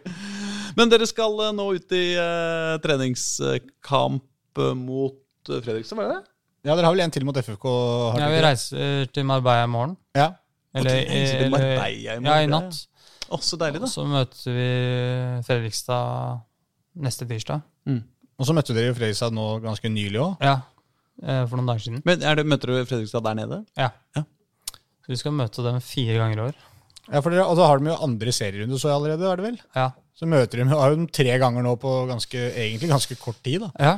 Og dem også liker ikke oss, og vi liker ikke dem. Nei. Så det er også tøffe kamper, det der. Dere hadde jo annet en eh, runde i første divisjon der nede sammen, da de vel rykka opp og dere ble nummer to. Det første året der eh, Ja. Til, til Kjøne. Ja, det er sant. Oh, ja. Ja, da var det Ja, jo det- dere to som ble én. Det hadde jeg faktisk glemt. Ja. Men det er, det er jo et kult lag å møte. Men hva er det du misliker med dem? I og med at du ikke husker hva spillerne heter. Hva jeg misliker? Jeg misliker egentlig ikke Altså, jeg misliker ikke dem. Det er, det er noen andre lag jeg misliker, men uh, mer. Men uh, dem, eh, dem, er, dem er tøft lag å møte. Mm. De løper mye, og det er, de kriger, og det eh, sparker deg ned hvis, hvis de må. Mm. Så det er mer det, da. At det er tøft å møte dem. Er det, eh, sånn Fra utsida så kan det jo lett være sånn Man kan få inntrykk av at FFK er et sånt lag som, som egentlig tror de er for bra for Obos-ligaen. Liksom. De syns de hører hjemme liksom, på De, tro, de tenkte nok i hvert fall det da de var i andre divisjon. ja. Ja, altså, de skal jo rett opp. Ja. Og det Men det skulle de i fjor altså. Ja, ja altså, det, altså det er en stor klubb, og de har jo masse tilskuere og, og bra med midler, så de burde jo de burde jo ta et steg opp. Men de har jo, det er det Fredrikstad og for eksempel kanskje Brann og noen andre av disse store lagene som er der nede, de har jo akkurat det som Grorud ikke har, men de mangler det som Grorud har. ikke sant? De har, de har anlegg, de har ressurser, de har alt dette her, men de mangler kanskje litt den der, den, det samholdet da, i, i en tropp. Det, Ja, hadde du det- hatt det samholdet til Grorud i din klubben, så tror jeg det kanskje hadde vært de hadde vært noen prosent bedre. Hvis du hadde tatt, hvis, du, hvis man hadde ringt fra Fredrikstad for eksempel, nå, da, og så hadde de sagt eh, Preben, ta med deg hele gjengen fra Grorud. Vi bytter lag. Dere spiller her i Fredrikstad. Tjener eh, det sjudobbelte skal vi, skal vi fikse her i Fredrikstad. Og så bare tar du med hele laget. Så er det jo klart, Det hadde jo vært en suksess, vil jeg tro. Ja, altså jeg, det er jo som du sier da, jeg, tror, jeg tror Grorud hadde blitt, uten å tulle, dobbelt så gode om vi hadde bare spilt fotball. Ja, fordi dere, Hvis dere ikke hadde måttet jobbe ved siden av, liksom. Ja, dere altså hadde fått bare bedre tid til å trene. Ja, bare hatt fokus på fotball og mat og, og restitusjon, og hele det der hadde bare vært helt annerledes. Mm. Så hadde vi blitt dobbelt så gode. Men jeg tror Det, også det har mye å si. Ja, Det ja, det har det, men jeg tror også at den der, når man har kommet inn i den der, det der, alltid de lagene som ofte har best samhold, er de som liksom jobber litt på sida, kommer på trening, og faktisk alle ser på hverandre og veit at ok, vi er litt slitne, men vi alle er det, på en måte. Vi Ja. er i samme båten. Det er verre hvis halve laget må jobbe, og halve er proffe, på en måte. Da blir det veldig, kan det fort bli veldig sånn uh... Ja, hvis det hadde vært store forskjeller Ja. innad i laget, så hadde det sikkert blitt en splid. Ja. Og, men hvis alle er på lik linje og kan bare ha fokus på fotballen, så er jeg ganske sikker på at vi hadde blitt mye bedre. Ja, for fordi nå er det sånn eh, det, trene om eh, Det rekker ikke å trene om morgenen, liksom. eh, Det er jo det er jo noen som gjør det, for å går på skole og ikke starter. Altså, det er jo noe ja. som får tid til det. Men hvis du jobber, så må du trene ekstra på kvelden. Men hvordan er din treningshverdag, liksom? Da, er det sånn at du rekker å få trent skikkelig hver dag, liksom? Ja, altså, For du nå- jobber Du har full jobb, liksom? Jeg 100 jobber øh, før trening. Vi trener jo midt på dagen. Og så, hvis jeg orker Mm. og har tid, så legger jeg inn en ekstra økt nedpå sterk. Mm. Og nå har jeg vært i opptrening eh, etter sesongen, så jeg har jo vært ganske mye på sterk. Så det er, det er jo en litt tøff hverdag for oss. Mm. Tøffere hverdag for oss, tror jeg. Skal ikke jeg si for sikkerhet åssen det er i andre klubber, men jeg tror at det, i andre klubber så er det jo mer tilrettelagt for å bli en eh, 24 timers utøver. da. Men det litt men det. Er litt det, Men det er som du sier, at ja. du må Altså, når det er vanskelig for oss, så blir det kanskje litt sterkere Mm. samhold og Så når du sier at dere på en måte blir dobbelt så gode hvis dere hadde bare fokusert på fotballen så sånn, Ja, sånn rent fotballmessig hadde dere nok blitt det, men jeg tipper eh, kanskje ikke mer enn 1,9 ganger så god. Eller et eller annet sånt. Da, fordi du Nei, mister den lille må- greia ja, der du må med at når du sitter i garderoben og alle ser på hverandre, og på slutten av en sesong da, ikke sant? Vi har ofra så jævlig mye. Vi har ofra mye mer enn det de gutta på Lillestrøm eller Fredrikstad har gjort. Da må du beholde det òg, da. Ja, det er akkurat det. Så lenge man klarer det. Men det må være en jævla tøff hverdag. Du, skal ikke ha mye forpliktelser utafor hvis du skal ha full jobb, og så skal du trene på en måte halvannen Nei, økt hver dag. Da. de som også har barn osv. er sikkert tigangeren da, tøffere. Ja. Men eh, man blir jo vant til alt, da. Ja. Det, er en, eh, det er jo en vanesak, som jeg tenker òg. Og jeg har gjort det her i mange år nå. Mm. Så du blir jo vant til det, og du vet jo hva kropp, eh, kroppen din tåler, osv. Og, så og så tror jeg Hvis du vil det, så gjør du det. Mm. Altså, jeg, Man kan jo slutte. Det er jo hvis, det er bare å slutte. Hvis man ikke har lyst. Mm. Så Men da blir vi andre så, så lei oss fordi vi er misunnelige på dere som, eh, dere som får det til. ja. Det er jo vi, det, vi syns det er så gøy å spille kamper. Det er i hvert fall det jeg syns. synes det, er, det er derfor jeg går ø, på trening og kriger meg gjennom disse vintertreningene. Mm. For det er å spille de Obos-kampene som er så gøy. Hvordan tror du Jeg bare lurer på Vi skal begynne å, begynne å eh, bevege oss mot slutten her, men har dere noe Altså, nå har dere hatt øh, Dere har slåss mot, øh, med ryggen mot veggen i Obos. Dere har blitt tippa nord og ned, av alle unntatt Dagsavisen, selvfølgelig, Ja, ja. som alltid har dere på trygg grunn. Um, tør ikke å gå imot oss, altså. nei, vi bare har så ekstremt mye Ja. bedre kunnskap Ja. enn de andre. Og, Nei, men dere har hatt rett hver gang ja, men jeg har jo det. så- Nei, men, men eh, hvordan ser du på den sesongen som kommer nå? Er, Gitt oss inn motivasjon, da. ja, det er det vi, Dere vil helst at vi skal tippe dere Ja, ned? Tipp oss helt nederst. Ja. Grorud er blitt ræva i år. Etter at de mista Oskar Aga, er det ikke håp. Nei, henger vi opp det i garderoben. Okay, ja, ja. Ja, Hvordan jeg tror det går? ja, vi har liksom uh... Hvor skal dere nå hen? Nei, det, det er jo kanskje den tøffeste Obos-ligaen noensinne. Ja. Med de lagene som er her nå. Eh, så vi Jeg tror mange lag kommer Altså, jeg tror, eh, tror ikke det er noen lag som kommer til å dra ifra helt. Jeg tror ikke det er noen lag som kommer til å være helt på bånn. Altså, vet ikke, men jeg tror det kommer til å være mange lag som uh, tar poeng fra hverandre. Det kommer til å være ganske jevnt. Så for vår del blir det bare egentlig å krige oss gjennom hver eneste kamp. Og bli mye bedre defensivt. Slippe mye mindre mål. Og være mer eh, stabile i prestasjonene våre. Og hvordan vi skal gjøre det, det skal vi terpe på neste uke i Marbella. Mm. Og så er jeg ganske sikker på at Johan har, eh, og trenerteamet har eh, god plan på hvordan vi skal være best rusta gjennom hele sesongen. For det er vi, de fleste lag er, eh, er gode i starten. For der, da har man jo mye energi eh, og bygger på det. Og så daler det ned. Og da er det litt skader, situasjoner som kommer inn. Og jeg er ganske sikker på at vi har lært nå at hva skal til nå for at vi holder hele sesongen. Og Mm. ja, vi har jo fått inn en del nye spillere og mista gode spillere. Altså, det skal erstattes 24 mål i Aga. Ja. Og hvordan vi skal gjøre det, er eh, Jeg tror jeg er todelt. Jeg skal ikke si for mye om det, men um, defensivt må vi bli mye sterkere. Og så må flere melde seg på på skåringslista. Så så er det jo spennende med Bjørn Martin der oppe på toppen. Og. Jeg, jeg tror personlig at han kan Han få en veldig fin sesong. absolutt mulighet til å skåre 24 mål. Ja. Om ikke, han, om ikke han skårer så mange, så han, vil han i hvert fall veie opp en god del. Og hvis man klarer å kompensere litt med bedre forsvarsspill og et par mål til ekstra på noen flere, så er du der. Ja, altså Det Aga gjorde i fjor, er jo helt sinnssykt. Ja, Det går ikke an egentlig å forvente at man skal erstatte det. Ikke for et eh, bunnlag heller. Nei. Uh, men hvis du setter spillere opp og spiller Bjørn og, og Aga, så Aga er en ekstremt god fotballspiller. Uh, kan egentlig alt. Men Bjørn også kan jo alt, egentlig. Har det samme til seg. Og hvis vi får i gang han, og han har pluss eh, ti mål, Mm. og setter opp pluss eh, fem mål, da, så er, skal, det være ganske, skal det være nok for mm. et lag eh, som for oss, da. Hvis vi klarer å være bedre bakover. Og da er det viktig at han kanskje, når han er spiss på laget Jeg vet ikke hvordan du tenker på det, eh, du, eh, Preben, men når du er spiss på et fotballag, da skal du trene på å skåre mål, og du skal ikke kaste innkast, eller hvordan er egentlig det? Uh, hva tenker du på? Kasta han innkast? Nei, men du har kasta innkast før som spiss. Da du var, eh, da du var ja, Hvor gammel var du da? Hva har du tenkt på når jeg fikk kjeft av, av faren min? Ja. Fordi historien der er vel at du spilte en, en slags guttekamp ute på Kadettangen, så vidt jeg har skjønt, Ja, og tok et innkast som han var misfornøyd med. Jeg tok innkast, og det skulle jeg ikke gjøre som spiss. Jeg skulle skåre mål. Så ja. Jeg fikk uh, mye kjeft for det. Har du tatt mye innkast siden? nei, og det er ganske bra. Jeg liker ikke å ta innkast. Jeg, jeg trenger ikke å ta innkast. Ja, så du er egentlig enig med Hver gang jeg er på vei ut for å ta innkast, så legger jeg fra meg ballen.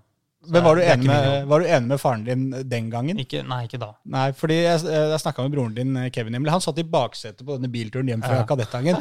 Og han fikk med seg hele denne, hele denne sekvensen på vei hjem. Jeg ikke hva, hva Han kjørte ikke så fort, han pleier å kjøre fortere enn det. Så han, vi brukte vel en eh, time fra Kadettangen.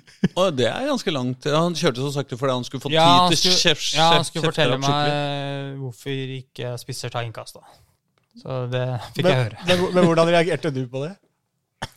Jeg, nei, det husker jeg ikke. Jeg husker bare at, eh, ja, at Kevin satt bak og koste seg.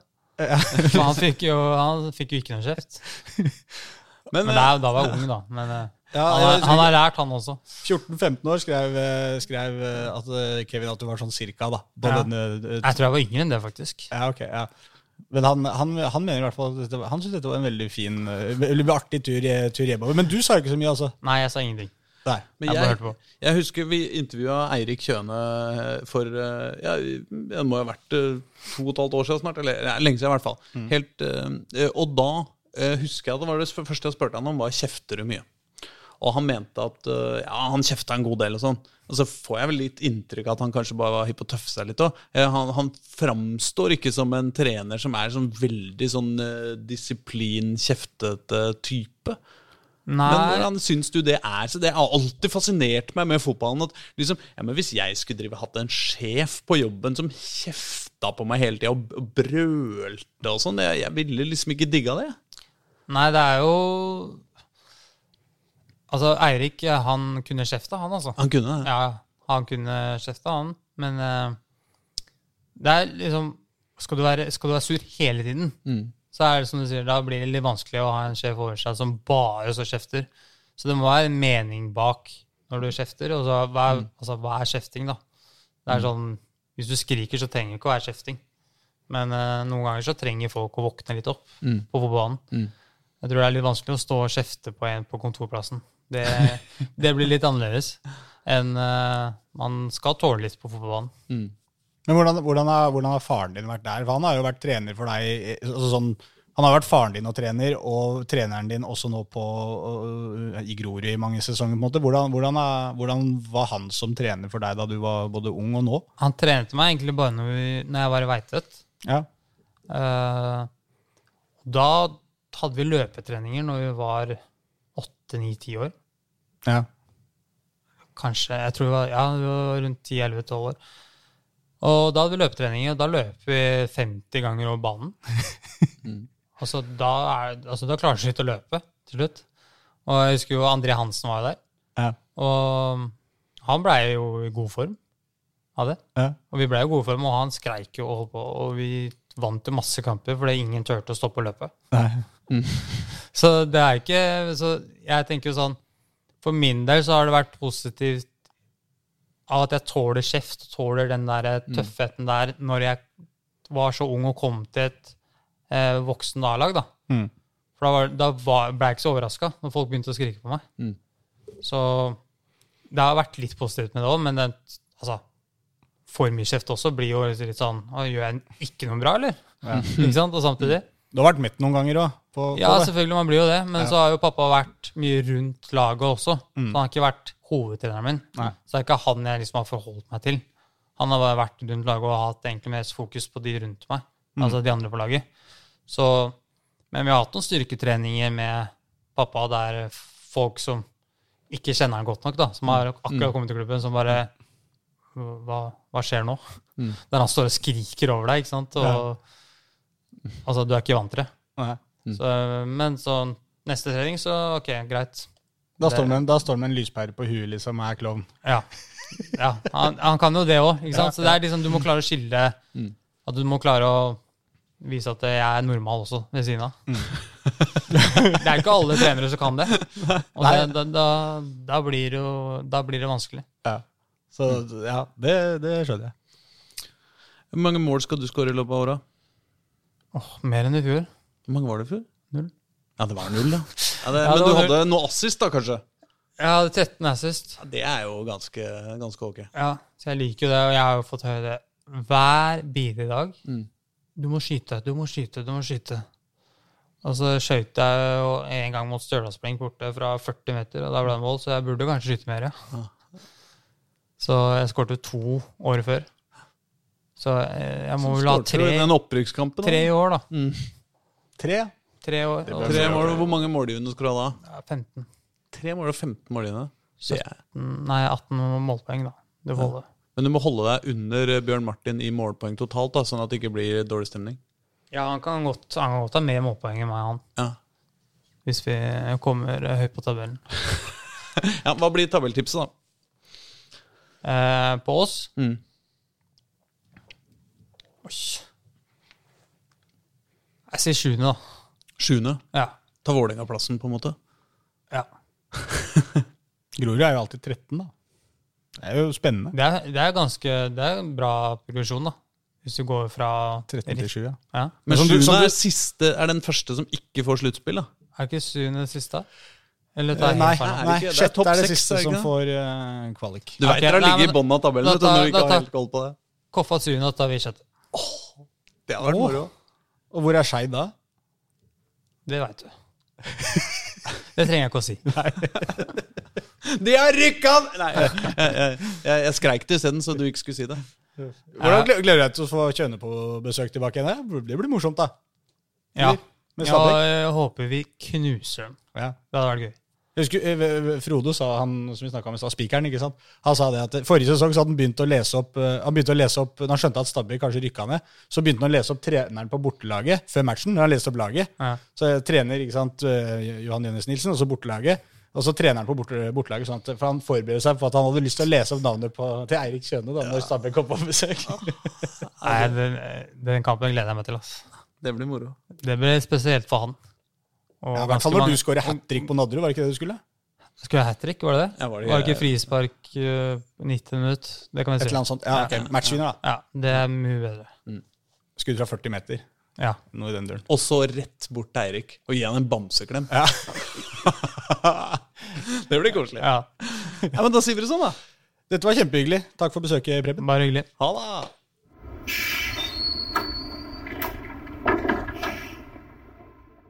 Det var Preben, det. Ja. Og nå er vi tilbake i, eh, i eh, sentrum. Eh, jeg er fortsatt Aslak, og Håkon og Reidar er fortsatt med. Ja, du har sittet her nå i tre timer og venta på at vi skulle komme tilbake. Venta i lengsel og smerte, men Men du hadde jo Erik Røste å trøste med. igjen. Ja, nei, men jeg har nå da fått uh, innimellom alt dette skistyret med Holmenkollen og Drammen og ting, som noen også er litt interessert i. Men det er ikke vi interessert i.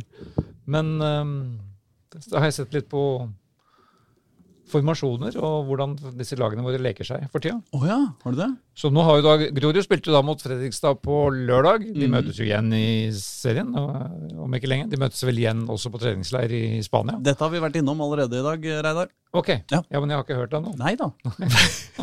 Nei, men det er riktig, det. De møtes i andre serierunde. Ja. Ja. Og på Marbella. Ja, ok. Nei, men det interessante for meg er at nå, per nå så spiller både KFM, Skeid og Grorud med tremanns bekkelinje. Hvorfor er det blitt så moderne? Det skjønner ikke jeg. For meg er det litt mer litt dristig enn en fire bak, men det kan hende at det egentlig er mer defensivt enn det høres ut offensivt. Men uh, Grorud la om til dette i forrige uke og prøvde det ut for første gang mot Fredrikstad, ifølge deres trener. Og han likte det han så. Men eh, du Håkon, som har spilt dette både virtuelt og i praksis, hvorfor trebakslinje? Nei, jeg kom på at eh, KFM også testa ut Trebekslinje i eh, opp, sesongoppkjøringa før forrige sesong, mot Strømmen. Og med veldig stor, eller ganske stor suksess, i hvert fall. Synes jeg syns hun var kjempegod i det, men brukte det jo ikke så veldig mye i løpet av sesongen likevel. Eh, Ines, Isnes prøvde seg vel ved noen anledninger, men det var ikke så veldig ofte fra start. Var mer prøvde å legge om et par ganger i løpet av en kamp og sånn. Det er litt for å ha litt flere verktøy vel i i kassa si, egentlig. At hvis man kan lære seg det også, så kan man jo endre litt kampbildet med, å, med å kunne uh, dytte opp en ekstra spiller litt høyere i banen. Så, så det er vel litt det. Og så syns jo jeg, i hvert fall sånn personlig, at det kan være litt sånn Det er en litt mer dynamisk formasjon, hvor du kan, hvor du kan eh, legge deg med fem bak i, i forsvar. I en slags fembekslinje da, og så kan du ligge med tre i, eh, når du er i angrep. Og jeg så jo også at Isnes da han, eh, han opererte jo litt med å bytte Mohammadin, f.eks. I ene kampen la han jo som sentral i en trebekslinje. som jo ikke er noe stopper. Men så, så i prinsippet mer som et anker, da. Men han og to stoppere. Og så har du, det er jo egentlig bare en annen måte å si at du spiller med veldig offensive backer på. Ja, og På har det er jo en annen måte å si Dæven, så mye folk vi får i midten eh, og eh, offensivt på banen, da, gitt. Ja, og det er jo noe med det at du, du på en måte Sånn når, når KFM har gjort det, da, og, og flere andre lag også, veldig ofte så er det to backer som da man kaller for vinger istedenfor, da. Ikke sant? Og det er jo vinger med veldig defensive kvaliteter, så i utgangspunktet så er du ikke en så utrolig mye mer offensiv formasjon. Den ser jo veldig mye mer offensiv ut på papir og høres mer offensiv ut. Men, men det er stor forskjell på om du da spiller med tre stopper og to hva skal vi si, mer klassiske vinger med offensive kvaliteter, enn med to vinger som i utgangspunktet er bekker. Det er mye løping, da. Det er jo det det kreves veldig mye av, eh, av disse bekkene ute på, på sida her, som både skal være angrepsspillere og forsvarsspillere. Så det er, det er vel bare en måte å tvinge de litt framover i banen på, Ja, men det er jo en, det er jo en, en litt ny spillertype òg, da. Det som de nå kaller spiller... Nei, sidestopper istedenfor back eller midtstopper. Ja. Så han må også liksom håndtere begge oppgaver på et vis. Ja. Jeg syns jo det mest eh, imponerende er jo de der stakkars eh, wingbackene som må håndtere og, og på en måte Altså, jeg mener i, eh, når, når, når vingen har ballen, og så tar en overlapp til bekken som kommer løpende, og vingbekken er én person, så du må ta en overlapp til deg sjøl, da. Det er jo det som er det vanskelige. Med, Ok. Ja. Men eh, så, så, så det var da altså da William Bjeglerud og Geirald Meyer og Henrik Bredli da, som hadde disse rollene på, på Grorud nå, med Meyer sentralt. Men um, Ja, det, Da snakker du om disse tre stopperne, på en måte. ja. Ja. ja. To sidestoppere og en midtstopper. Det er Ja. det de kaller det da på fagspråket. Ja, for det er jo, men det, det gir deg også, hvis du har litt spillende Hvis du har noen litt spillende stoppere også, så gir det også det, altså Jeg snakka om Moa Manin, som, som jo er en god ballspiller, som ble dytta inn der i, i, i den stoppertrioen til Isnes. Det er jo ikke, ikke sant, som, det er jo en fyr som skal på en måte styre spillet. Og det er jo noe med det derre Når et lag mange lag ønsker jo å spille med altså, veldig etablerte angrep. Flytte opp mye folk, ha lange angrep.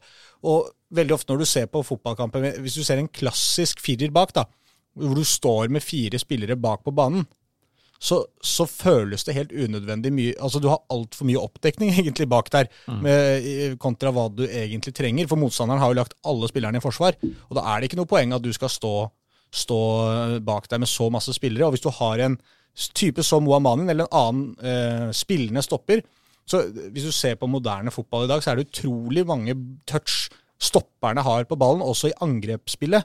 Det er viktig at de som står bak der, at det faktisk er gode, gode ballfordelere. Og jeg tror det var litt tanken til Isnes, annet med Mohamanin der. da. At Ja. ja. Istedenfor å sette Mohamanin litt høyere i banen, og så gjemmer han seg bak et pressledd, vanskelig å finne han hele tida, får ikke involvert nok, fordi de stopperne som står bak der kanskje ikke er gode nok pasningsspillere, så får du brukt, brukt de pasningsspillerne når du har litt mer, da. Ja, for Skeid prøver jo og feiler også med dette her, da, med bruke, hvordan, hvordan de skal bruke Fredrik Bergli, kapteinen, om han skal bruke som midtstopper, eller venstre sidestopper.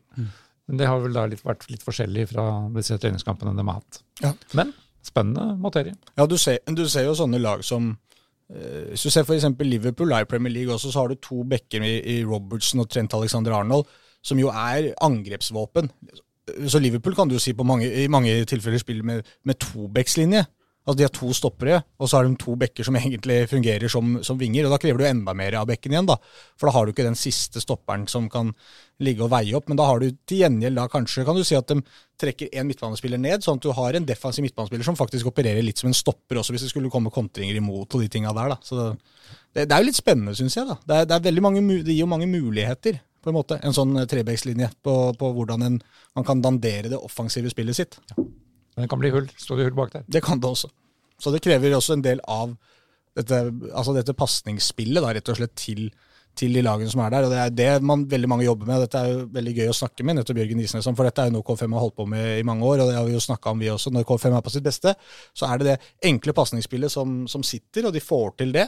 Men de gangene K5 er dårlig, så, så er det rett og slett bare fordi pasningskvaliteten er for lav. De spiller bort ballen i ja, områder som Isnes kaller eh, de områdene hvor du på en måte ikke skal eh, miste ballen. Det finnes noen områder på banen hvor det er på en måte lov å miste ballen, og noen områder det ikke er lov til å miste, miste ballen. Og hvis Mohammanin står bak der og slår en feilpasning, ja, da er det kjempeproblemer med en gang. og Derfor er det viktig at du har den en av de beste ballspillerne dine da, i, i den rollen. Som Egil Olsen kalte rett i dusjen-pasninger. De kjenner vi godt til. Ja. Vi har også et lag i Eliteserien, eh, Oslo. Vet ikke om Ja, dere det har vi. Ja, eh, De heter Vålerengens idrettsforening. Eh, De har spilt to treningskamper siden vi var i dette studioet sist. Det er jo ganske imponerende. Det er imponerende. Eh, fordi i dag spiller vi inn på en tirsdag. Forrige uke spilte vi inn på en tirsdag. Ja, Uansett. De hadde en, en kamp i forrige uke eh, på Intility eh, mot Stabæk. Som var rein overkjørsel. Og stakkars Eirik Kjøne, som vi kjenner så godt fra Grorud, han ble sendt eh, ut igjen til Bærum med halen mellom beina og sikkert en tåre i øyekroken over hvor håpløs eh, stor den forskjellen har rekke å bli på eh, ikke så lang tid.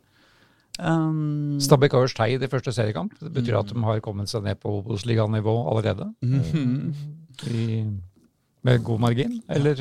Ja, det, det, det så i hvert fall sånn ut. Vålerenga hadde eh, uh, har jo tre nysigneringer på banen. Uh, både Vegard Eggen Hedenstad på høyrebekken, som eh, så lenge Christian Borchgrevink skal fortsette å halte, så, så får han spille der. Petter Strand, eh, som kom fra Brann, eh, har eh, markert seg på venstre indreløper. Eh, og, eh, og Taufik Ishmael fikk én omgang i den kampen. Eh, han som er på lån fra eh, ja, Er han på lån fra Fredrikstad, eller er han Nei, på- fra det på lån fra. Flor, Flor, Florent, Florint? Eller hva det heter nede i det Frankrike. het igjen nå. Jeg syns han siste var eh, aller best. Men det var i hvert fall en morsom kamp og hyggelig i sola. Det var Masse folk på tribunen, og alt var kos. Jeg ble overraska meg litt at det var så mye mennesker der. Ja, det var Den gikk jo klokka ja, det tolv på Sikkert 700 folk, men det var vinterferien, da. Vinterferien og sol, Ja. og gratis adgang. Ja, det Eh, hjelper. alt dette hjelper på. Men, det lover eh, men jeg mener at det er underkommunisert at Stabæk hadde to svære sjanser, som, som vår eminente keeper berga. Ja, men det var liksom helt på tampen av kampen. Og Ja, men det sånn spiller ikke noen rolle når det er. Men på en måte. Den var så i den hule hånd. Stabæk var ræva. Vålinga okay. var eh, bra. Så får vi håpe, for Vålerengas del, at eh, det ikke bare var Stabæk som var ræva. Men det som er, det det som er litt gøy med den kampen, er at dette, denne kampen har jo skapt splid innad i redaksjonen. Du hører det bare nå. Mm. Bare dette må, Sjansene til Stabæk. Reidar mener at dette har stor betydelse. Du mener at det ikke har det. Eh, Pål mente at uh, Tafik Ishmael ikke var spesielt god. Du mener at han var den beste. Ja, ja. Så det er, denne kampen her har skapt uh, turbulens rett og slett i redaksjonen. Og, Og dette kommer til å gå videre, fordi også nå, akkurat mens vi sitter her, så spiller Vålerenga en, eh, en treningskamp borte mot eh, Start i Sandefjord. Eh, tre ganger 30 minutter, og i spillende stund så har det vel gått 85 eh, eller eh, noe sånt av de eh, minuttene. Og sist vi kikka innpå, så hadde Vålerenga også der en 3-0-ledelse. Hvor Petter Strand skåra to mål. eh, og Vidar Ørn Kjartansson eh, smalt inn den siste med en nikkelobb. Det er jo hyggelig. Petter Strand ryktes altså fra våre utsendte i Sandefjord å være banens gigant. På den andre sida, det mente Pål eh, Karstensen at han var også i forrige kamp, og da var han helt middelmådig. Uh, uh, sier jeg med, min, med all den fotballfaglige pondus og ekspertise jeg kan uh, Men han, han var da indreløper mot Stabæk? Ja. ja. Eh, så jeg skal jo ikke si at det er feil at Petter Strand er gan- baneskigant. Særlig vil jeg jo si at to mål Det hender jo at det påvirker kamper. ja, eller hvis det, er, hvis det hadde vært i Stabæk, så hadde det jo ikke hatt noe å si, selvfølgelig. Men to mål, mener jeg. Eh, hva mente du nå? Men du mente at de sjansene til Stabæk, de to store sjansene var ikke så farlige om de gikk inn eller ikke. Hadde ikke noe å si. Nei, det er en viss forskjell på mål og sjanser. Det er en viss forskjell på Vålinga og Stabæk. Ja, det er det også. Men, uh... Men det pussige med dette Vålerenga-laget, de skulle jo egentlig møte Bodø-Glimt på fredag på Aspmyra. Ja. Men den ble jo da avlyst fordi Bodø-Glimt har gått videre i Europa. ødelegger en god treningskamp med et eh, semifinale i Europaligaen, er det ikke det? Og så, da Nei, det er Conference League. Og så spurte, spurte da Molde om å få spille mot Vålerenga på søndag i stedet. Mm. Men det har Vålerenga sagt nei til. Ja. Det ligger en sak ute fra vår Jørn Skeipe. Nei, Er, er, er, er noen sure på dem for det også? Uh, Jørn Skeipe er ikke sur på noen. Nei, men, Men, Vålerenga er sur eh, på Molde. Ja, nei, det, dette, dette kan vi lese oss fram til. For I fjor husker jeg om Vålerenga sa nei til en treningskamp mot Bodø for å straffe dem fordi de hadde vært på treningsleir. Ja. Eh, Det, er, det er ikke det som er tema nå, i hvert fall. nei. Nei. Men de har jo Molde i første seriekamp også. Ja. Kanskje det er noe der. det, det er ikke godt å si. Eh, Vålerenga damer har ikke spilt noen treningskamper eh, siden sist. Men til gjengjeld så har de altså signert eh, en ny midtstopper. Malin Sunde. Som altså går fra et nokså kort opphold i Fiorentina. Hun eh, signa vel i januar. eh, for Fiorentina, og har nå dratt, eh, gått videre i karrieren. Og det må jeg si at for Malin Sunde så går jo karrieren hennes som en rakett i været, altså.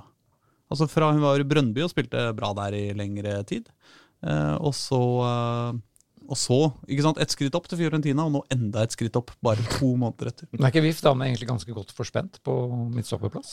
Jo, men øh, kan det, kan det bli øh, Kanskje han skal leke seg med disse, det var disse Trebecks-linjene, da? Kanskje det er noe der?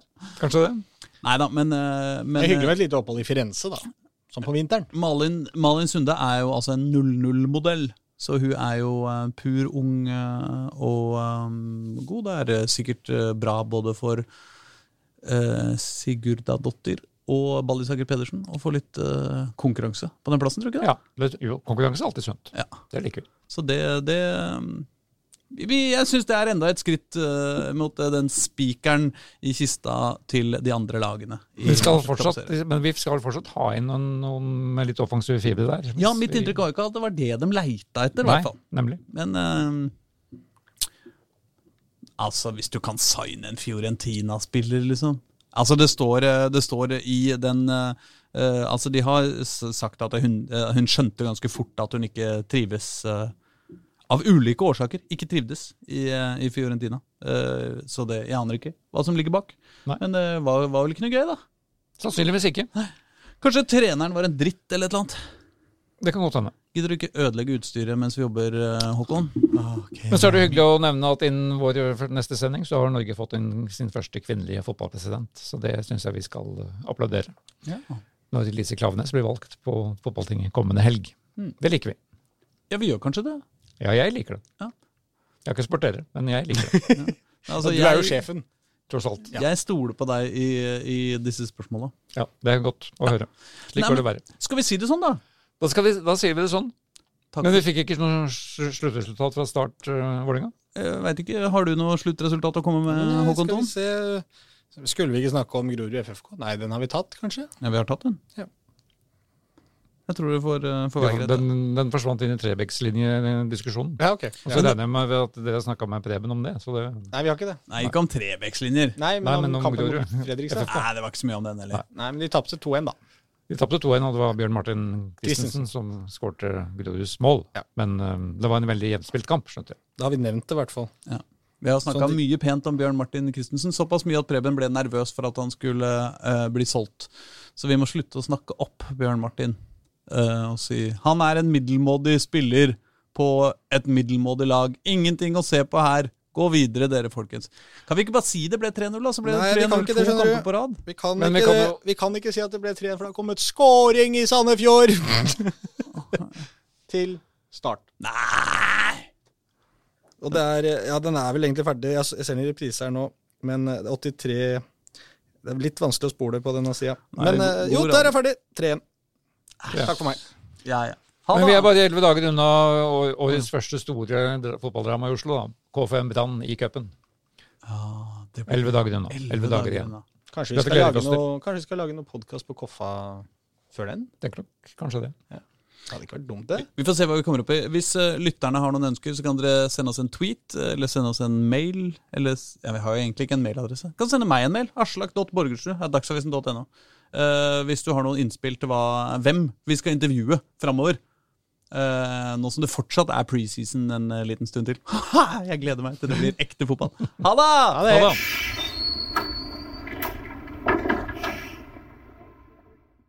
Du har hørt en podkast fra Dagsavisen. Ansvarlig redaktør heter Andreas Heen Haaland Karlsen.